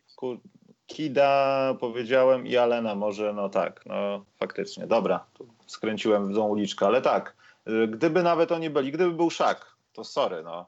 Y, nawet ta różnica w, w przepisach gry nie zmieniłaby niczego. Szak by po prostu ich wszystkich pozabijał. No, to był dalej ten szak, może końcowa tego szaka, ale to był dalej ten szak, który, który, znaczy końcowa tego szaka, który był taki super szybki, super nieodpowiedzialny za to, co robi, a potem to już był prawdziwym czołgiem. I myślę, że tam by nie było żadnej dyskusji. No ale dobra, zostawmy ten temat. To, to temat reprezentacyjny. Manu zawsze świetnie wypadał w meczach reprezentacji, jeśli były naprawdę takie, no te mecze nerwowe, to wiadomo, gdzie szła piłka i wiadomo, co się mogło stać. No i trzeba e, też, sorry, no. wchodzę w słowo, ale też trzeba podkreślić, że Manu w zasadzie do samego końca był dostępny dla swojej kadry, że nigdy nie stronił od tego, żeby przyjechać na kadrę, zagrać turniej, co w dzisiejszych czasach nie jest regułą. Wielu zawodników na, na już tej drugiej fazie swoich karier, szczególnie po 30, już rezygnuje z kadry, a, a Manu prawie do końca w niej grał. Dobra, trzy, Karol, najbardziej zapamiętane akcje y, Manu twoje, bo ja mam ze trzy, ze cztery, powiem ci. Tylko trzy? No takie trzy, takie, że wiesz, że to jest taki, taki znak firmowy. No. Nie, nie ma się co rozwodzić nad tym wszystkim, bo to naprawdę musielibyśmy zrobić chyba 24-godzinny zapis. No chyba tak. E, to tak trochę, trochę na pół serio, pół żartem, ale w 2009 roku Manu skosił nietoperza. Tak, nie, to no to jest legenda. To musi być w moim top 3. E, co jeszcze mogę mieć? Pamiętasz, takie playoffy były, e, z kim oni grali te playoffy? Z Warriors w 2013 roku. I Manu rzucił takiego, takiego game winnera za trzy punkty. To też jest rzecz, którą pamiętam i będę pamiętał. No i ten wsad y, przeciwko, przeciwko Miami w finałach nad Chrisem Boschem. To, to, to już był taki, to już była taka już y, końcówka, to znaczy nie chcę być prime, bo to już było daleko za prime, ale była taka końcówka tego jeszcze atletycznego manu, ale strasznie poszedł w górę. To był piękny sad. Mhm. Ja ogólnie pamiętam wszystkie te wsadowe rzeczy, które właśnie wymieniłeś, bo było ich trochę. Wsad nad Jao, sorry, ale tak, Jao, no. Jao był wtedy wyzwaniem jeszcze dla ludzi, którzy nad nim skakali. Jao jeszcze nie był aż tak nieruchawy, żeby już, już w ogóle nie reagował. I trzeba było mieć przewagę psychiczną we własnej głowie, żeby pomyśleć, to się może udać. Ten, ten wsad nad Jao był taki trochę, on dopiero w powtórce wygląda, wygląda tak dobrze, jak, jaki on był, bo jak oglądałeś go tak, tak na ten moment w meczu, to okej, okay, no to samo, sam fakt, że był na diao robił wrażenie, ale tak później w powtórce widać, jak wysoko Mano miał głowę, jak on wysoko poszedł w górę. Mhm. I w ogóle, to, no właśnie to były takie te wsady, których się nie... Wiesz, to był też taki wsad, że biegł w niego trochę jak Vince Carter nad Murningiem wtedy, y, Boże, tak, w Nets, tak? tak? tak? Że wiesz, tak, tak, wykorzystałeś jakąś swoją przewagę, wisiałeś w powietrzu, dałeś z góry, obrońca nie miał szans, ale na zdjęciu wygląda to jakbyście byli na plakacie. Ale chodziło tutaj o to, że wiesz, że wchodzisz pod ten kosz i no, Manu faktycznie no, wykazywał się jakimś większym skokiem niż przeciętny biały koszykarz, ale to dalej nie było tak, że wiesz, że, że on spokojnie może wszystko nad każdym. To musiało być po prostu w prędkości, przeważnie w dwutakcie i tak dalej, także wiesz, to nie było aż takie kolor... Tak, to, to nie było aż takie kolorowe, natomiast y, to, że się działy takie rzeczy, no to była masakra, no bo to, są takie chamskie zachowania w koszykówce, wiesz. Ten koleś myśli, no że tak. ty nie dasz rady, a to i tak to zrobisz. Takie bezczelne. Tak. E, tą jedną rzecz i to pamiętam przez te pieprzone igrzyska, no bo za, jeszcze wtedy to był ten czas, kiedy oglądało się igrzyska od A do Z, od, na początku strzelanie i wiesz, jeszcze wcześniej Renata Mauer, coś tam. Renata i... Mauer, miałem, chciałem Re... No, jak ona strzelała, to zawsze to były te najwcześniejsze konkurencje, tam pierwszy, czy tam w ogóle dzień otwarcia i tam wiesz, cyk, cyk. Potem miała dwa nazwiska i już nie startowała. game winner z Serbią Mano Ginobilis właśnie z tych igrzysk. A poczekaj Michał, no. pytanie do, do słuchaczy.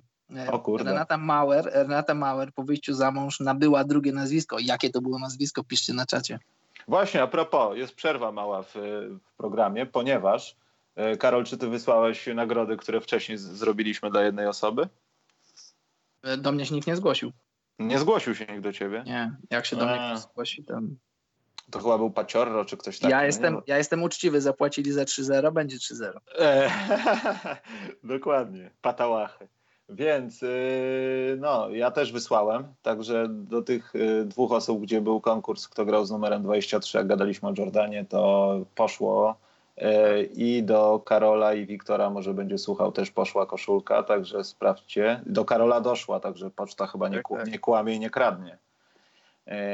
I muszę wam powiedzieć, że zbliżamy się coraz bardziej, w zasadzie już, w zasadzie trzeba tylko nie wiem, można powiedzieć kosmetycznie dopisać niektóre opisy, ale większość jest zrobiona. Będzie, będziemy już we wrześniu wysyłali potwierdzenie do Patronite'a, także darujemy sobie donate, to jest pewne.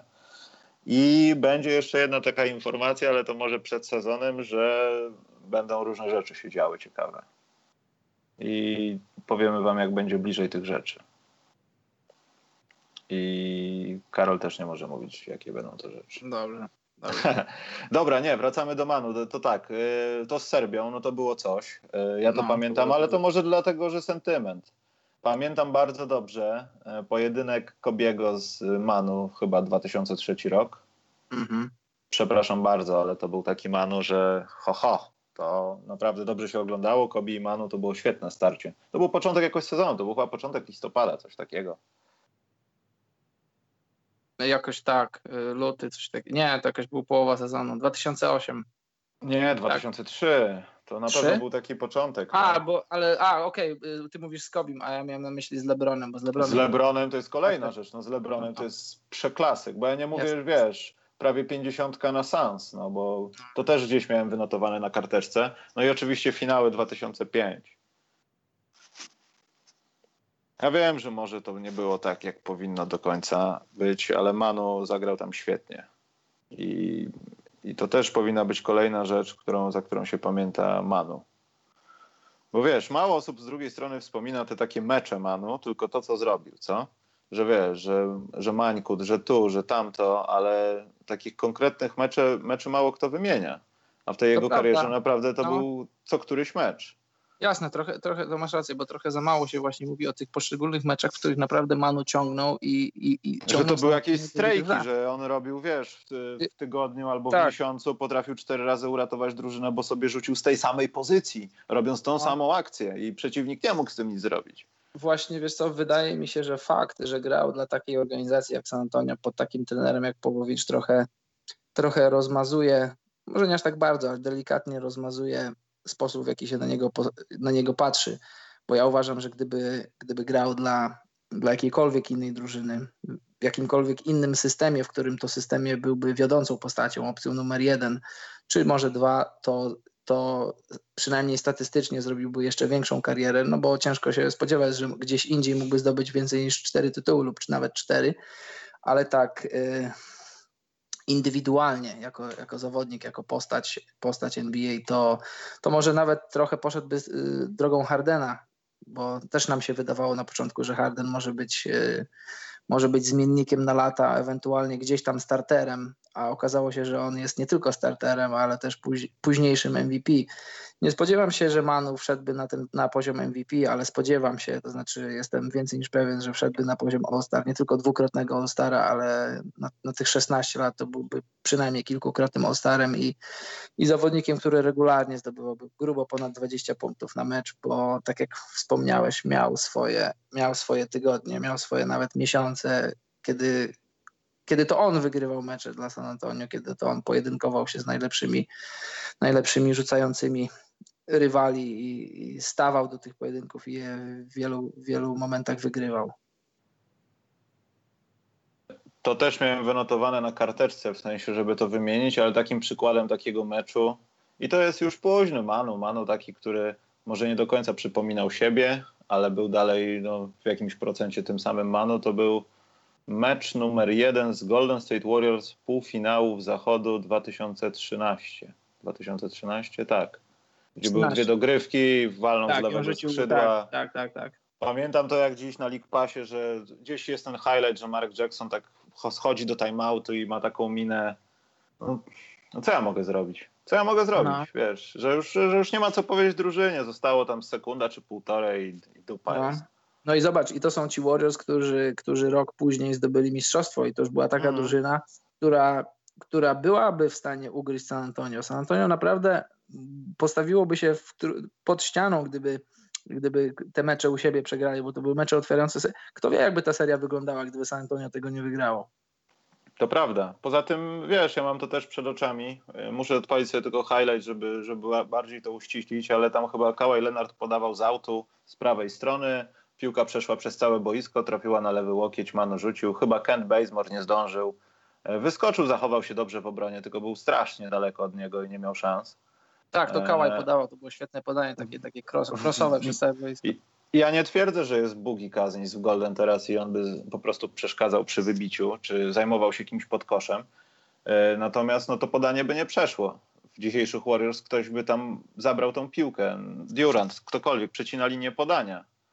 I to też pokazuje, oglądając tam te stare spotkania, ostatnio oglądałem 12 i 13 dosyć sporo, to można popatrzeć w jaki sposób ktoś ulepszył drużynę przez takie właśnie małe rzeczy. Bo tak no naprawdę no wiesz, ta akcja w wiesz, tym meczu była bardzo mała, bo wcześniej w tym meczu działy się inne rzeczy, które mogły spokojnie zakończyć ten mecz po obu stronach. Spokojnie. Więc ja wiem, że to jest na koniec i wygrywasz ten mecz i, i w ogóle. E, to tak czy siak, no wiesz, no, to jest ta mała rzecz, która doprowadziła do końca, ale to nie znaczy, że to jest wina tej rzeczy. No, ale z drugiej strony grasz przeciwko San Antonio i tam, tam y, zagrywka sugerowała, że piłkę dostanie Parker. Tam jeszcze pod koszem ktoś był, tam wiele różnych tak, rzeczy tak, mogło, się, tak, mogło tak. się zdarzyć, więc, więc zakładam, że, że Mark Jackson uczulił swoją drużynę na coś tam, ona była na, co, na to coś uczulona, a fakt, że, że Manu znalazł się sam na sam, prawie że sam na sam na oddanie rzutu, podejrzewam, że nawet i San Antonio nie spodziewało się, że aż tak łatwo to, to, to, to będzie wyglądało. Yy, ten, odpowiedź padła, Różańska. Tak, tak, widziałem, tak, to prawda, no. Brawo. No. Jeśli, yy. jeśli to nie było sprawdzane w Wikipedii, no to, to brawo, a jeśli było, no to też brawo, bo wyszukiwanie Wątpię. w internecie nie jest prostą sprawą. Wątpię, dobrze. I ostatnia rzecz to to, że Manu jako jeden z tych takich, moim zdaniem, nielicznych tych zawodników lat 90., nazwijmy to, chociaż wiemy, wiemy, że to nieprawda, to ładnie się pożegnał. W sensie 2017 rok to był Manu, który jeszcze z prawej ręki potrafił dać paczkę czy coś. No. I to nie było takie urągające bardzo temu, że wiadomo, że to już się zbliża koniec i módlmy się tylko, żeby ten koniec nastąpił w domu, a nie gdzieś w jakimś Sacramento czy Atlancie. No to prawda i, i wiesz, fajnie byłoby, jasne, że fajnie byłoby oglądać Manu jeszcze ten kolejny sezon, wiedząc, że to już będzie jego ostatni, ale i tak uważam, że na to, na tyle, ile, ile Manu zagrał w NBA, bo nie przyszedł do ligi jako młodzieniaszek, ma 41 lat, odejmiesz 16, no to rachunek jest prosty, w jakim wieku przyszedł do NBA i biorąc pod uwagę. I też fakt, poczekaj, Karol, bo też no. nie wspomnieliśmy o tym. No, był dosyć, no, te lata 2000 i tam wcześniej, w jakichś wcześniejszych, w jakichś swoich tam rozgrywkach juniorskich, był tytułowanym zawodnikiem. To nie było tak, że on to tam tak, był gdzieś tak, sobie jasne. zawieszony w Europie i grał coś. Tam w lidze włoskiej grał, w Eurolidze się wyróżniał na początku wieku znowu ten tekst, ale Nie, no było... jasne, on przychodził przecież do NBA jako, jako MVP Euroligi, on z Virtusem Bologna wygrał, wygrał Euroligę, był chyba bodaj dwukrotnym MVP Ligi Włoskiej, to on, on w rozgrywkach FIBA był wielką postacią i to, to wszyscy wtedy na tamten czas mówili, że, że dla niego kolejnym krokiem to już jest tylko i wyłącznie NBA, bo w Europie w rozgrywkach FIBA wygrał wszystko, co, co, co tylko mógł wygrać. A jeszcze wracając do tego, co mówiłem, wiesz, dla, dla zawodnika obwodowego, jakim był Manu, i on, on miał poniżej, on był w NBA wpisywany jako 6'6, 98, ale moim zdaniem był, miał, był trochę niższy. No ale w każdym razie, będąc zawodnikiem obwodowym, naprawdę musisz wykonać tytaniczną pracę, żeby, żeby w zdrowiu przejść tyle lat przez swoją karierę. A Manu nie miał jakichś wielkich kontuzji, takich, takich no bo wi wiadomo, miał różne tam swoje urazy, jak, jak każdy, bo miał taki sezon chyba 11 na 12, kiedy stracił ponad około 50 meczów stracił, ale generalnie w, na przestrzeni całej swojej kariery był raczej, miał raczej dobre zdrowie, a żeby, żeby przez, przez tyle lat z taką intensywnością, bo przecież Spurs w każdym roku grali w playoffach, to naprawdę trzeba wykonać wielką, wielką pracę ze swoim ciałem. I Manu to zrobił i, i, i, skończył karierę jako zawodnik, który jeszcze, jeszcze mógłby być przydatny z ławki. Jeszcze w rotacji, w rotacji w San Antonio na pewno znalazłby swoje minuty. Pop, Pop znalazłby dla niego minuty. Zresztą on nawet ma jeszcze kontrakt, znaczy miał kontrakt, to znaczy ten kontrakt obowiązuje na, na przyszłe rozgrywki, więc San Antonio miało dla niego miejsce w swoim składzie, dla zawodnika, który ma 41 lat. I, i to, to jest coś. I tak sobie myślałem o tym, że że to jest taki trochę smutny dzień. Z jednej strony jest, ale z drugiej po prostu trzeba się cieszyć, że mieliśmy okazję widzieć Manu przez tych ładnych kilka lat, grubo ponad dekadę i, i zapamiętamy go na różnych płaszczyznach, przez różne akcje, przez różne historie. I, i trzeba mu za to podziękować, bo, bo był naprawdę wielką postacią, nie tylko NBA, ale ogólnie koszykówki. No, poza tym też E, tak sobie teraz pokojarzyłem z tym Tonem Parkerem nieszczęsnym, który też, co by nie mówić, nie chcę mówić w złą godzinę, ale jest bliżej końca niż początku, delikatnie mówiąc. A, to to na pewno to nawet, wiesz, czysta matematyka by to podpowiadała. Wydaje mi się, że jeszcze 2-3 lata jakiejś takiej gry na, na tym powiedzmy levelu, tajerze, czy jak to teraz się mówi, e, wel poziomie e, Charlotte, Sacramento, Atlanta i tak dalej, to będzie ekstra.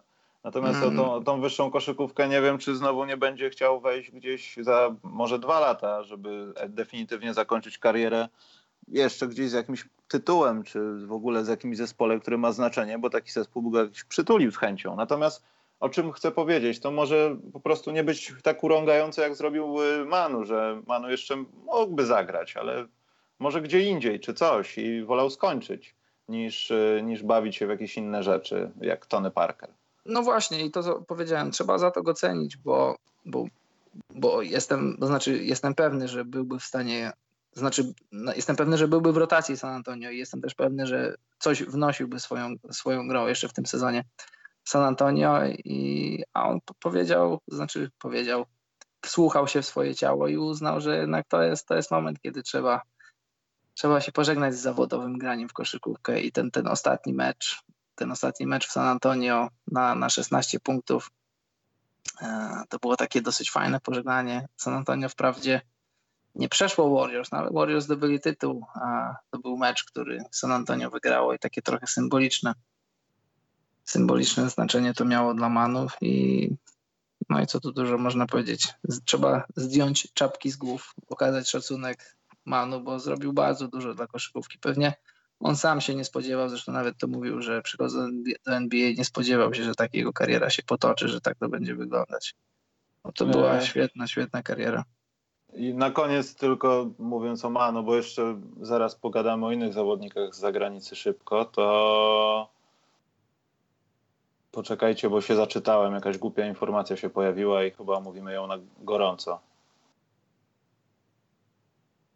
NBA pozwoli zawodnikom, to jest wczoraj wiadomość, ale teraz mi się rzuciła w oczy, nie wiem dlaczego.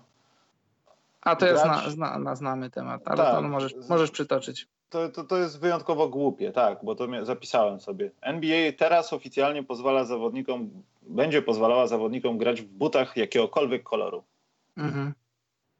Y ja wiem o tym, że Nike naciska na to, bo chcieliby wszyscy legalnie wydawać jakieś super oczojebne kolorystycznie wersje LeBronów, KD i tak dalej, ale co to za informacja jest w ogóle?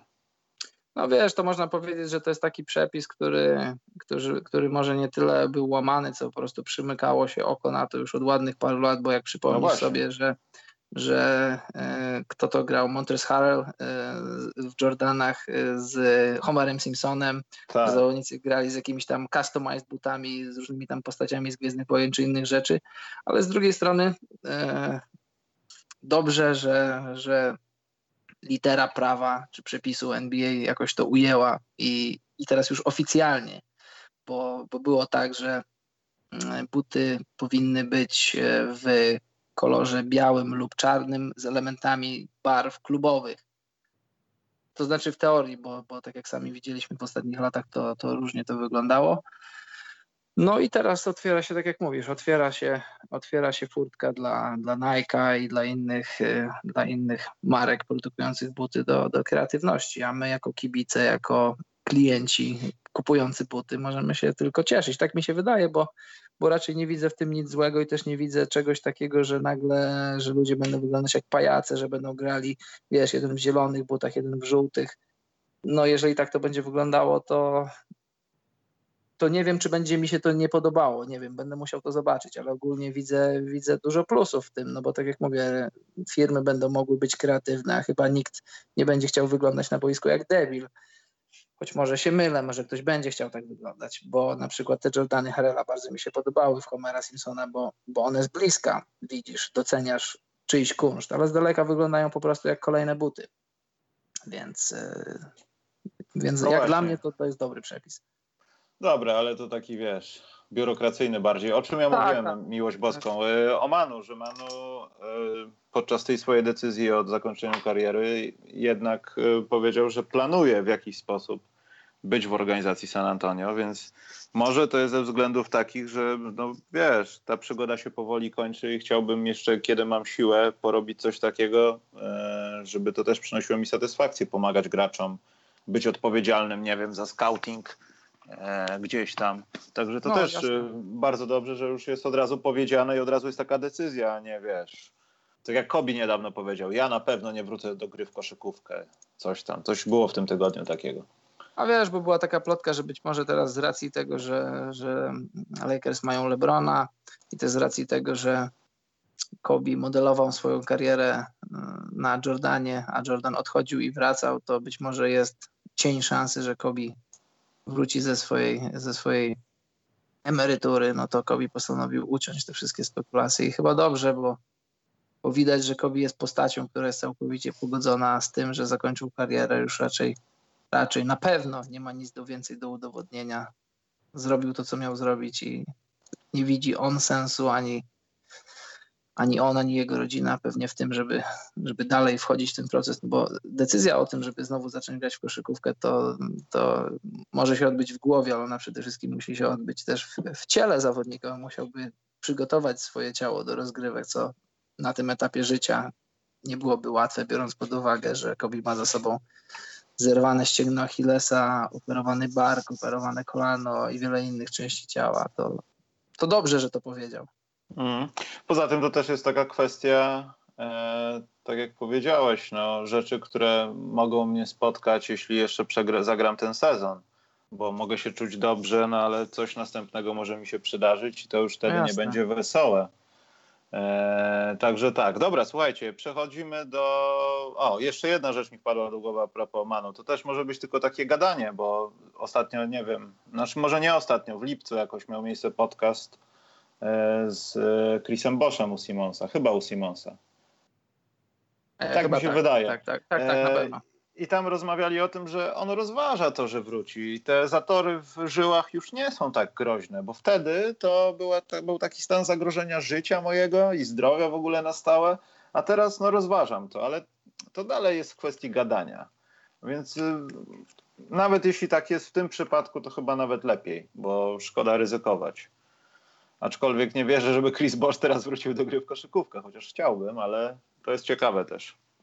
Czy ten powrót jest, będzie miał miejsce? Jest, jest też kwestia taka, o której się mało mówi, bo to już było, był temat podjęty przez e, jeszcze wtedy Boscha z Miami Heat.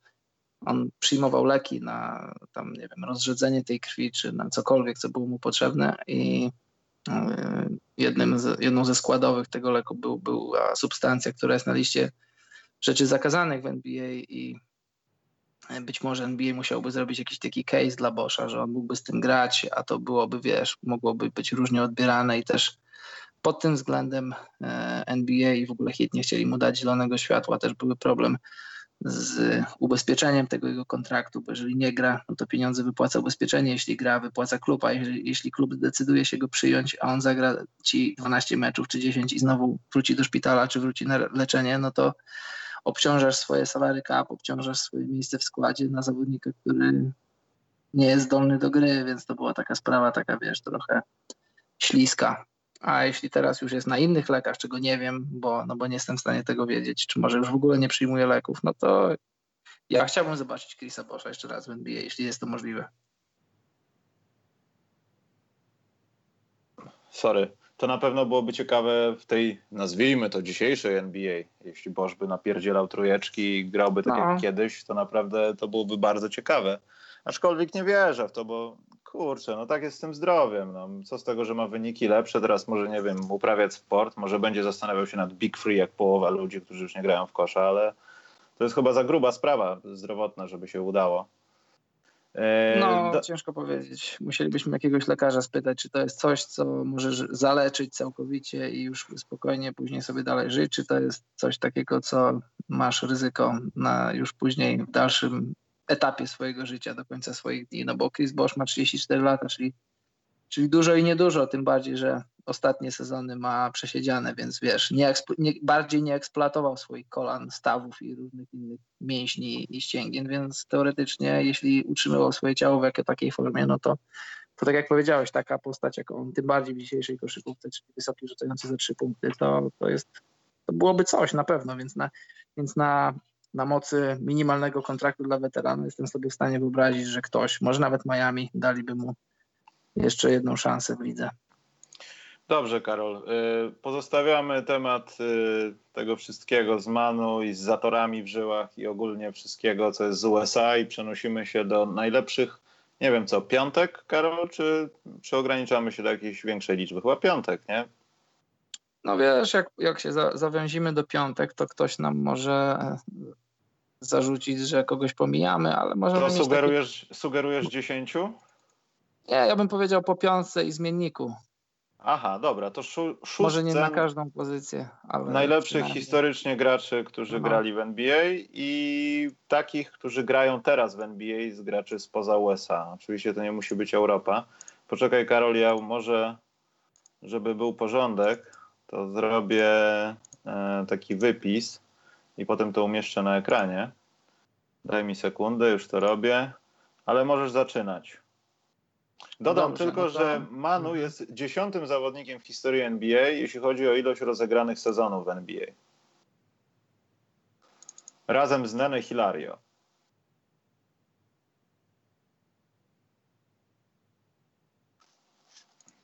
To jest Karol Kropka była potem. E, rozumiem. To nasi, nasi, nasz, nasza pierwsza piątka zawodników e, all time spoza, spoza Stanów Zjednoczonych. No to ja na jedynce mam, e, mam Tonego Parkera łamany przez Steve Nash. Tonego Parkera mam, no chyba nie muszę tłumaczyć. E, Jednego musisz wymienić, Karol. Albo to jest zmiennik, trudno. No dobrze, no, no, no, no to jeśli muszę wybrać jednego, no to wybieram Parkera, chociaż tak, e, tak jeden do jednego koszykarsko, to, to, to Steve Nash naprawdę był, był świetnym zawodnikiem i, i gdyby nie tytuły, to, to tak czysto sportowo ciężko by mi wybrać, ale z racji tytułów, że, że Tony Parker był podstawowym rozgrywającym, ważną postacią rotacji Grega Popowicza i wygrywał tytuł w San Antonio, no to u mnie na jedynce jest Tony Parker ponad Steve'em Naszym.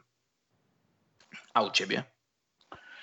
U mnie ja mam straszny z tym kłopot, ponieważ tak w historii NBA, kogo bym tak, bo mam problem, bo ja bym może tak nie umieścił tej jedynki na zasadach y, dzisiejszych, znaczy na zasadach takiego typowania, że ta jedynka to musi być taki i taki gość.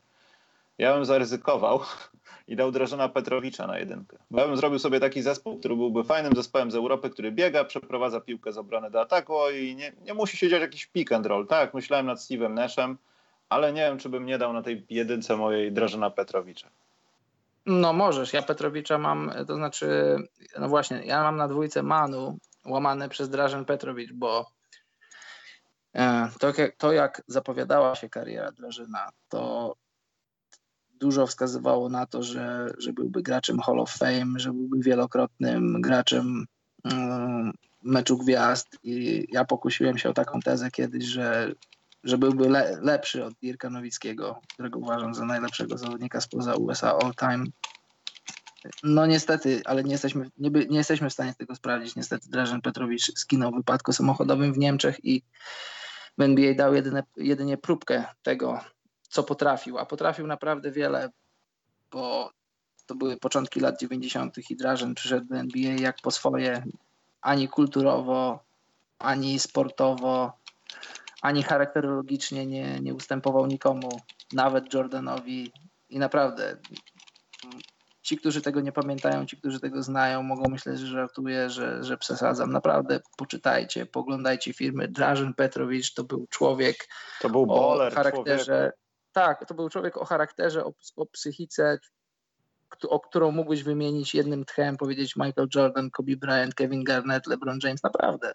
I, i wiesz, nie wiemy, jak ta kariera by wyglądała. Na pewnie ja jestem, jestem pewny, że gdyby nie coś niespodziewanego, tak jak śmierć, która go spotkała niestety, to, to byłby historią koszykówki NBA, historią koszykówki FIBA i miałbym go naprawdę na jedynce all time, ale niestety życie napisało taki scenariusz, jaki napisało i muszę bazować na faktach, więc tutaj na dwójce mam Manu ponad Drażenem. Poczekaj Karol, robię porządek pierdzielniku, żeby to było widoczne, przynajmniej nawet w odtworzeniu. E, dlatego wymieniaj drugiego zawodnika, ja to poukładam. No to ja już powiedziałem, na jedynce mam na jedynce Tonego Parkera, na dwójce mam e, Manu Ginobilego ponad, niestety z bólem serca, ponad Drażanem Petrowiczem. Tak? No. Dobrze. Właśnie, a Karol, mogą to być zawodnicy, którzy aktualnie grają w kosza? Czy, czy nie bawimy się w takie rzeczy? Be my guest, możesz. Ja bo nie, nie, dobra, bo zepsuję sobie y, piątkę następną. Ja na mojej dwójce tutaj mam poważny problem, bo tak też sobie pomyślałem, kurczę, a może Drażen grał za krótko w NBA i widzieliśmy go za krótko i on byłby bardziej ofensywny i mam Kobiego na jedynce i to byłby straszny błąd. I tak się zastanawiam właśnie teraz. Ale przecież czy... Kobe jest Amerykaninem. Ja wiem, ale chodzi mi o to, że wiesz, że się okazuje, że na koniec dnia ten gość jest shooterem, jest mordercą, ale on kompletnie nie potrafi podawać i nie chce nikomu, nie chce nikomu dać piłki, rozumiesz? A no, jasne. I mam z tym trochę problem. Natomiast dobrze, y, na mojej dwójce powinien pojawić się Manu i muszę sekundę to przemyśleć, jeśli byśmy brali pod uwagę, że Dominik Wilkins jest spoza USA. No właśnie. Y, nie wiem, czy możemy brać tutaj Dominika Wilkinsa spoza USA, bo na mojej dwójce Dominik Wilkins prezentowałby się znakomicie. A on grał dla kadry, czy on grał dla kadry Stanów Zjednoczonych? Wydaje, wydaje mi się, że mógł grać, chociaż nie jestem pewien. Aż tak głęboko nie pamiętam, ale chyba w którejś był. No właśnie. Eee... Dobra, to jest nieważne. Okej, okay, dobra, nie. Będą we dwóch. Yy, musisz powiedzieć jeszcze raz ostatnie zdanie, bo, bo przerwało. Tak, a, bo mam połączenie i mogło być dlatego. Daję manu jednak. Dobrze. No, dalej. Y, na trójce. Ja na trójce mam y, Toniego Kukocza. Tony Kukocz? No. Tony Kukocz pojawi się na mojej ławce. Dobrze. Natomiast tutaj na trójce pojawia się, wiem, to już będzie hardcore, Dirk Nowicki. Na trójce? Tak. Big Ballem gracie? Tak, bo to jest zawodnik, który gra, ale który nie gra. Niestety, muszę go za życia trafić już do pośmiertnej takiej. No możesz. Mogę. Jasne. Ja też to zrobiłem, ale na kolejnej pozycji. tak? Jest Dzik Nowicki? Jest. Oszukujesz. Nie. Dobrze. I tutaj naprawdę mam poważny problem. Eee, bo tutaj powinien być zawodnik, który jednak by pasował do szablonu tej drużyny w jakiś sposób. I poczekaj, Karol, bo to będzie dosyć ważne. Mhm. Tak, możesz mi właśnie wpisać, że na czwórce mam Nowickiego. Wpisałem ci chyba, że masz na czwórce Nowickiego. Dziękuję, widzę. Eee, dobrze, będę bardzo hardkorowy. I stwierdzam, że ja sobie zrobię tak, że ja wybieram teraz Peja Stojakowicza i po prostu przesuwam Dirka na 4. Możesz to zrobić. Bo tak pomyślałem, że to zrobię. Mhm. A gdzie jest twój ulubiony Stonemaker? Maker. No on jeszcze nie należy tutaj do tej grupy. Jeszcze, jeszcze gra, jeszcze w niego wierzę, Karol. Jeszcze, Dobrze. jeszcze, jeszcze w niego wierzę. Dobra, twój piąty zawodnik. No to jest mój, to jest mój trener odrzutów za trzy punkty, Dikembe Mutombo. Uuu, To jest człowiek, który, który reklamuje mój, mój blog na moim na, na fanpage'u. Zaprasza, więc nie, nie, nie mogłem go nie mieć w swojej piątce. eee, Dikembe Mutombo. Hakim Olajuwon bawi się z nami w tą grę, czy nie? No właśnie bawi się z nami, ale przecież zagrał w Dream Teamie i no No oczywiście. wiem, wiem, no ale... Wiesz, jeśli, jeśli możemy, jeśli możemy, znaczy sami ustalamy sobie te, te kryteria, no to oczywiście bez dwóch zdań biorę Hakima, ale jeśli bierzemy ludzi całkowicie spoza USA, którzy nie mieli styczności z Team USA, no to, no to ja biorę Mutombo. eee, skoro tak, to ja też z chęcią bym wziął Mutombo, ale wierzę Weź sobie to... Gortata, Proszę cię. Wierzę w to, że... Rika Smitha. Karol, wierzę w to, że, że ten zawodnik naprawdę by spełnił takie nadzieje, jakie miał spełnić, gdyby nie ten pieprzony komunizm i wybieram Arvidasa Sabonisa. To jest bardzo słuszny. On jest słuszny ten wybór, na pewno. Bardzo. Przepraszam bardzo, ale tak musi być. I twój rezerwowy, Karol. Mój rezerwowy, no to moim rezerwowym na obojętnie jakiej pozycji Mhm, tak, to jest No to- gracz ut- util. muszę mieć jakiegoś zawodnika z szeroko rozumianych Bałkanów i to będzie albo Peja, albo Vladę. O, wybiorę Vladę. Vladę sprawdziłby się w dzisiejszej koszykówce. No myślę, że bez dwóch zdań. A ja teraz muszę wybrać... Chociaż Peja też, Peja jeszcze bardziej by się sprawdził. Ja się tak zastanawiam. Ale słowo się rzekło. Tak się zastanawiam, kogo wybrać. Natomiast myślę, że. Nie, dobra, nie zrobię drugi raz tej akcji, że wybiorę sobie kogoś, kto gra. Ale. Ale.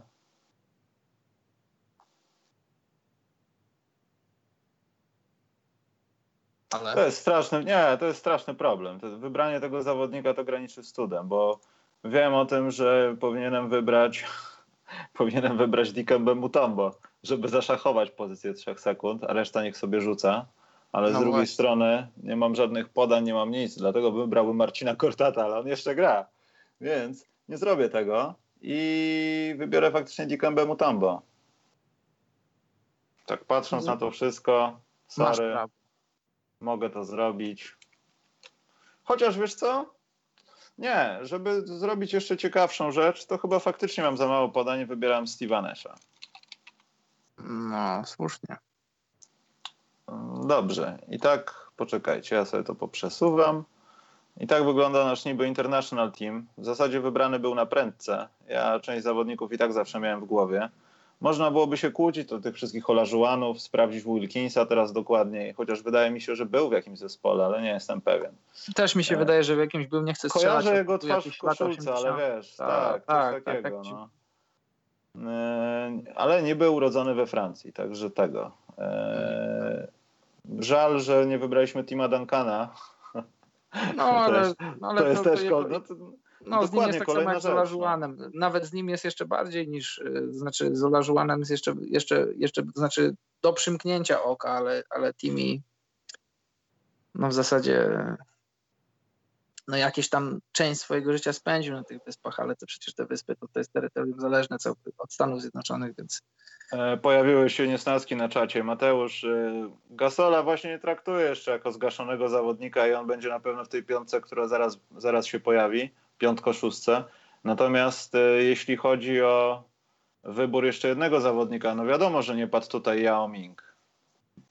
E, z drugiej strony to też jest frikowy wybór, no Maniut Ball, tak, ale, ale, ale Yao Ming no, mógłby się pojawić, gdyby na przykład ja bym nie wierzył, że u szczytów swojej kariery, a Sabonis był niestety w bloku komunistycznym u szczytu swojej kariery, kiedy było zdjęłano ZSRR, był, byłby lepszym zawodnikiem od Yao Minga.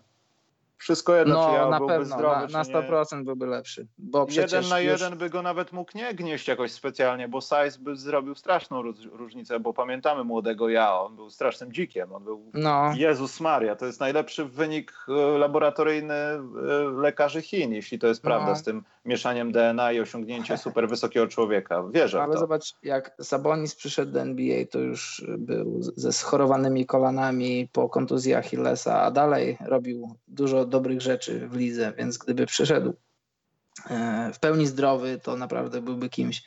A jeśli chodzi o Paul Gasola, to my tu nie wiem, czy będziemy robić z Michałem piątki internacjonałów obecnych, którzy jeszcze mhm. grają w NBA. I tam Paul Gasola mam, patrząc na, znaczy nie teraz, bo on już jest poza swoim prime'em, ale patrząc tak globalnie na jego karierę, tam go mam. A gdyby się zastanowić all time, czego nie robiliśmy w stosunku do zawodników, którzy jeszcze grają, no to, no to musisz się zastanowić, no bo teraz pytanie, kogo wyrzucasz ze swojej pierwszej piątki. Nie, nie mogę wyrzucić Nowickiego, więc teoretycznie jestem w stanie wyrzucić Kukocza, y, przesunąć Nowickiego na trójkę i wrzucić y, Paul Gasola na, na czwórkę, to, no, to jestem w stanie to zrobić. To nie, nie sprawi mi jakiegoś wielkiego bólu, ale my mamy jeszcze tutaj w zanadrzu piątki zawodników, którzy nadal grają. Mhm. Ja właśnie tworzę coś takiego. Poczekaj, Karol. Eee, Zrobimy tak. E, no dobra, no to możesz dać swojego pierwszego zawodnika, o nim trochę powiedzieć, a ja to dokończę. No to ja teraz zacznę od środka. To mam na środku mam Ala Horforda, człowieka z Dominikany. Może nie wszyscy wiedzą, ale. Mm. Al Horford jest z Dominikany. Dobra, Karol. Karol Horford. Al Horford. Tak. Damy kolor czarny, żeby było widać. Bezpozycyjnie widzę, Karol, jak na razie. No myślę, że bezpozycyjnie, bo w moim, moim składzie jest dużo, znaczy dużo jest, są wysocy ludzie, którzy normalnie grać poza pozycją. To ja daję, czekaj, swój wybór. I w zasadzie e, niech będzie to strasznie awansem, ale skoro jest taki Europejczyk i już tak ma, to jest Luka Doncic. Wiem, Denis Schroeder, wiem, Niemcy, wiem, ale nie, sorry, nie. Schroeder nie może, nie może być. Ja wiem, że na tym Donciczu można się poparzyć zdrowo i. Ja i myślę, wiem, że nie. Ja myślę, wiem, że... że... gdzieś tam na jedynce możemy dać Jose Calderona albo kogoś. Natomiast, natomiast nie, no jeśli mówimy o graczach z zagranicy tego typu Benz, to, to musi ten, to musi być, musi tak być, no. Dobra, Karol, twój zawodnik numer dwa. Y, no, teraz mam czwórkę, no to mam Pau Gasola. Takiego Pau, Pau Gasola nie, nie z ostatniego sezonu, tylko takiego globalnie z całej, przekroju całej swojej kariery, co zrobił w NBA i co zrobił ogólnie dla reprezentacji Hiszpanii. Ku mojemu Był, Były takie lata, powiem jeszcze tylko jedno zdanie, że no. były takie lata, że naprawdę, że Pau był ja tak uważam, może nie tylko ja, że był najlepszą czwórką w NBA. Miał taki swój, miał taki swój okres przynajmniej jednego roku, gdzie, gdzie zdobył z Lakersami tytuł i też z reprezentacją Hiszpanii niszczył, niszczył na arenie międzynarodowej i naprawdę był świetny. Pan, pan profesor Paul Gasol. Mm, dobra, więc y, chyba ja też pójdę w Paul Gasola. W takim razie. Chociaż, chociaż mogłem wymienić innego zawodnika, bo teraz kolejność jest nieistotna. Eee, dałem Nowickiego w tamtym all-time, ale to musiałem go dać. To, to, to jest akurat zawsze przy tym wyborze jest napisane w encyklopedii gwiazdka, musi być Dirk Nowicki. No jasne. No, trzeci zawodnik? No, Janis Antetokounmpo. Antetokounmpo. Poczekaj, ciekawe czy napiszę dobrze. Giannis Antetokounmpo? Bumbo, nie wiem. napiszę, poczekaj, napiszę. Napisz Ante to Bumbo. Antek, żeby wszyscy wiedzieli. Napisz Antoni. E, dobra, jeśli chodzi o Antka, no to Antek się pojawia. No. Powiedzmy, że to jest automatyczny wybór, bo trudno, żeby go nie wybrać. No, dajesz teraz, Karol, swojego zawodnika. No widzisz, ty z tymi pozostałymi dwoma zawodnikami tam taki trochę może nie, nie, nie tyle kłopot, co mm, może oni są jeszcze nie do końca tak utytułowani, żeby, żeby już na ten moment dawać im jakieś miejsce, ale, ale zgadzam się z tobą, że Donciczowi jakimś tam awansem można dać to miejsce, bo no bo wiesz, my to wiemy, ale Euroligi się nie wygrywa tak o, z ulicy, z marszu, z przypadku. Trzeba naprawdę być kimś i Luka Doncic jest kimś, ma talent. Czy ten talent się przełoży na NBA? Ja uważam, że tak, a nawet jeśli się nie przełoży, to zadziwiająco, to on może wrócić ten. do no, co zadziwiające? Zadziwiająco go tak szeregujemy e, jeśli chodzi o ten, o to, że on jeszcze nie gra w NBA, a już mu dajemy taki status. No. No właśnie, no bo ale z drugiej strony no, wrzucisz tutaj Denisa Schroedera, no i co, co ci to da? Y, to znaczy, co, co Denis Schroeder osiągnął w koszykówce NBA i co osiągnął w reprezentacji Niemiec? No na razie nic, na razie fakt, że jest poza Stanów Zjednoczonych, czy dawać mu już miejsce w składzie, no ja uważam, że patrząc na tytuły, znaczy osiągnięcia w swojej karierze, no to Doncic już, już jest ponad Niemcem, no bo coś wygrał na, na arenie międzynarodowy, już jest mistrzem Europy i mistrzem Euroligi. To jest coś, czego już mu nikt nie zabierze i gdzieś tam na półce w jakiejś tam hierarchii będzie to miało jakieś znaczenie. Ale wiesz, ale z drugiej strony też no, ja jestem przeciwny temu, żeby Niemca skreślać. Nie skreślajmy Niemca, tym bardziej, że to jest czarny Niemiec. No właśnie. Dobra, dałeś czwartego zawodnika. Moim czwartym zawodnikiem z dzisiejszej NBA, no to niestety muszę, to też jest na maksa awansem, bo życzę, żeby chłop był zdrowy, ale Kristaps Porzingis Napiszę w skrócie, bo się nie zmieści mi tutaj w okienku, ale wszyscy Napisz wiedzą o co chodzi. Chris, Chris. Dobra. Więc tak to u mnie wygląda. Karol, twój piąty zawodnik? Ja chyba też będę miał Kristapsa, bo tak? Tak może troszkę awansem, ale dlaczego nie? I teraz robią się schody, bo ja muszę dać swojego piątego zawodnika, wiedząc o tym, że muszę dać też komuś szóstego zawodnika i tutaj zaczynają się kłopoty. Ale stwierdzam, że no. skoro nie ma jeszcze nic wspólnego z kadrą USA, to Joel Embiid. No jest to słuszny wybór, myślę. Myślę, że, no bo wiesz, y, wprawdzie Joel jeszcze tak indywidualnie nie wygrał za dużo, ale to, jaki ma potencjał, to co widzimy, patrząc na jego grę, skłania nas ku tezie, że może być naprawdę kimś wielkim. Dlatego zaryzykuję. Wiem, że ten zespół Kristaps i Embiid mogą skończyć na sorze, ale wchodzę w to jak dzik w kasztany. Karol, twój zawodnik numer 6 no moim zawodnikiem, znaczy musi, nie musi, ale chcę, żeby nim był Lauri Markkanen. O... No też trochę awansem, ale wiesz, ma za sobą, ma za sobą chcę powiedzieć, że ma za sobą dobry sezon, ale to, jaki ma sezon, to jest mniejsza, mniejsza sprawa. Większa sprawa jest to, jak, jaki boom na koszykówkę ogólnie, ale też koszykówkę NBA dzieje się tutaj w Finlandii. Nie wiem, czy widzieliście, śledziliście na moim fanpage'u. Jeśli nie followujecie, to zapraszam. E, wchodzisz do sklepu sportowego w Finlandii i, i, i, naprawdę masz Chicago Bulls od góry do dołu, koszulki Markanena od góry do dołu. W ogóle nawet taka ciekawostka w sklepach e, w Finlandii odzieżowych, które często nie mają, to znaczy wielu przypadkach nie mają nic wspólnego z koszykówką. W witrynach sklepowych są jakieś tam manekiny zaaranżowane w taki sposób, że mają koszulkę Markanena. Naprawdę jest, jest, jest y, Laurimania w Finlandii. Poza tym, co by nie mówić, Lauri świetnie wygląda, jeśli chodzi o to, w jaki sposób zbudował się mięśniowo i myślę, o, to, że to, prawda, to, to będzie jego sezon. To będzie jego sezon, a z Wendelem ja już nie chcę mówić jak... Y, fanbase Chicago Bulls y, nawet w Polsce, ale naprawdę to będzie zajebisty sezon. Serio, jeśli Wendell Carter będzie taki dobry, jak ma być, nawet w połowie, to z Markanenem, który jest w drugim sezonie NBA, mogą, mogą nawet być na boisku z Lawinem, ale nie do końca mu podawać, bo ty stary, nie, nie ty tam stój, nie, nie podajemy ci piłki. No, Lauri na pewno będzie niezłym kąskiem, jeśli chodzi o fantasy, bo bo czy, czy Bulls będą wygrywać, czy nie, to myślę, że, że tak statystycznie to będzie miał niezły sezon Markanen. To też nie do końca, bo to wiesz, Karol, zależy od y, rodzaju fantazji, w jakiej grasz. Nie? Lauri niewątpliwie A, będzie prawda, no słaby w jakichś kategoriach, ale myślę, że skuteczność rzutów, jeśli chodzi o field goal percentage, no może nie zachwycać, ale może być przyzwoita, no zależnie od tego, jak bardzo będzie karował w Chicago, że tak powiem. To prawda. Dobra, ja muszę dać swojego zawodnika numer 6 i mam straszny problem, bo chciałbym, żeby to zespół, który dało się oglądać, żebym lubił w to zagrać na konsoli, jakbym na przykład przyszedł do kogoś i hej, zagrajmy w NBA, ale mam taki zespół customowy i są ci zawodnicy. Eee, bardzo źle się z tym czuję, że muszę wybrać ponad Markiem Gasolem,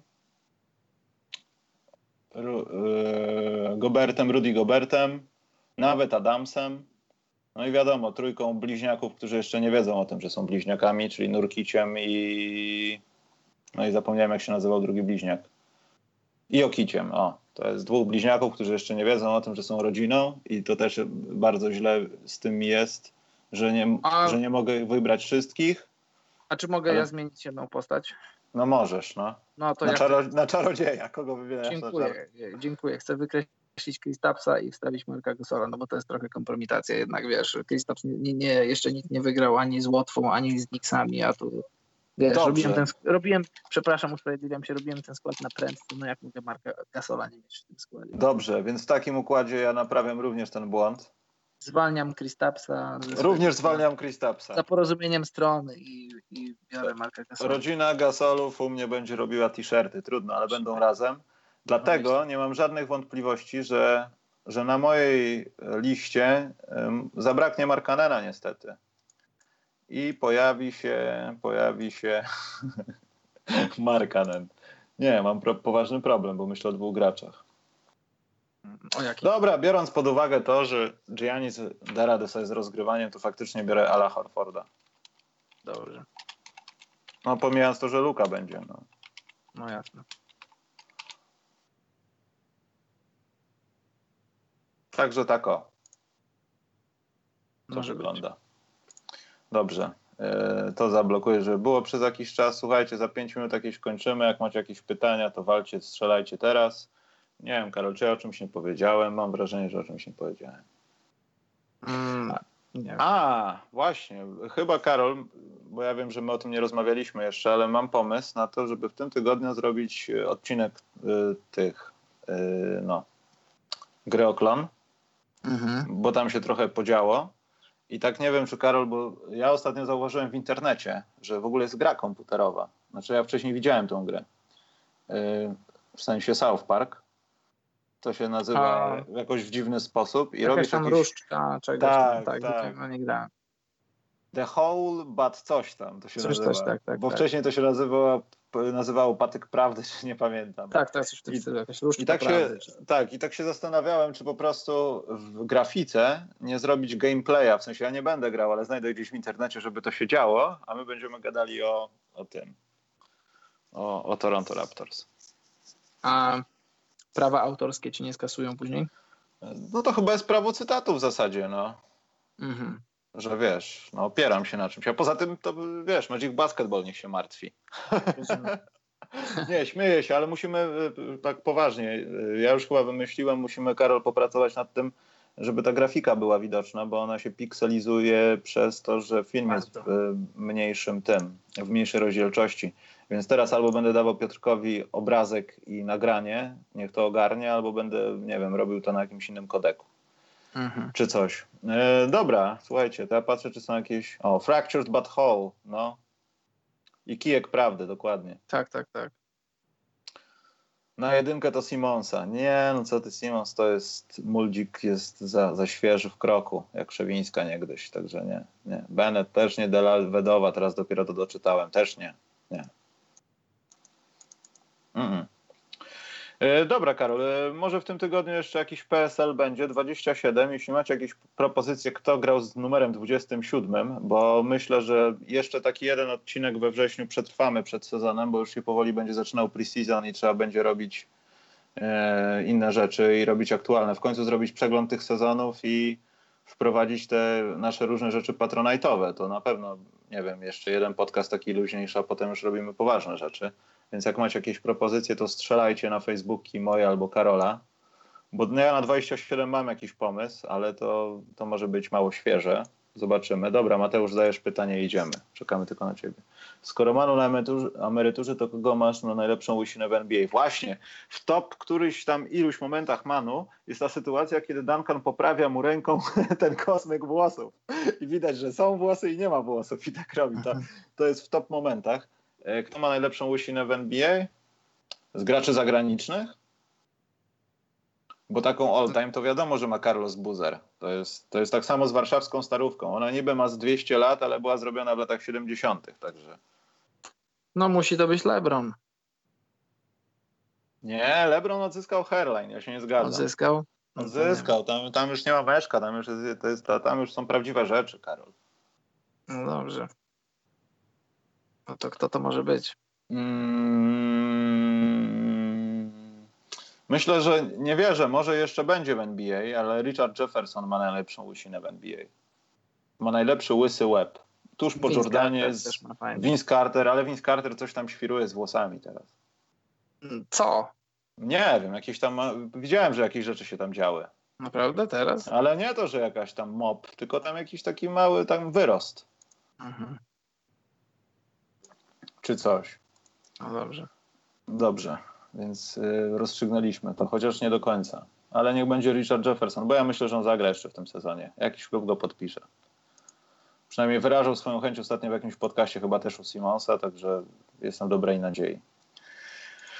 No dobra, to kończymy. Karol, zanim powiesz swoją tradycyjną kwestię, to bardzo dziękujemy mhm. za dzisiaj. Y, mam nadzieję, że wam jest lepiej, bo jest u nas chłodniej w Polsce, Karol.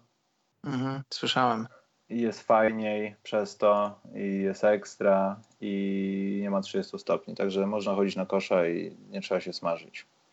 No jasne. No dobra, to dzięki za dzisiaj Karol, trzymajcie się wszyscy i do zobaczyska w najbliższą razą.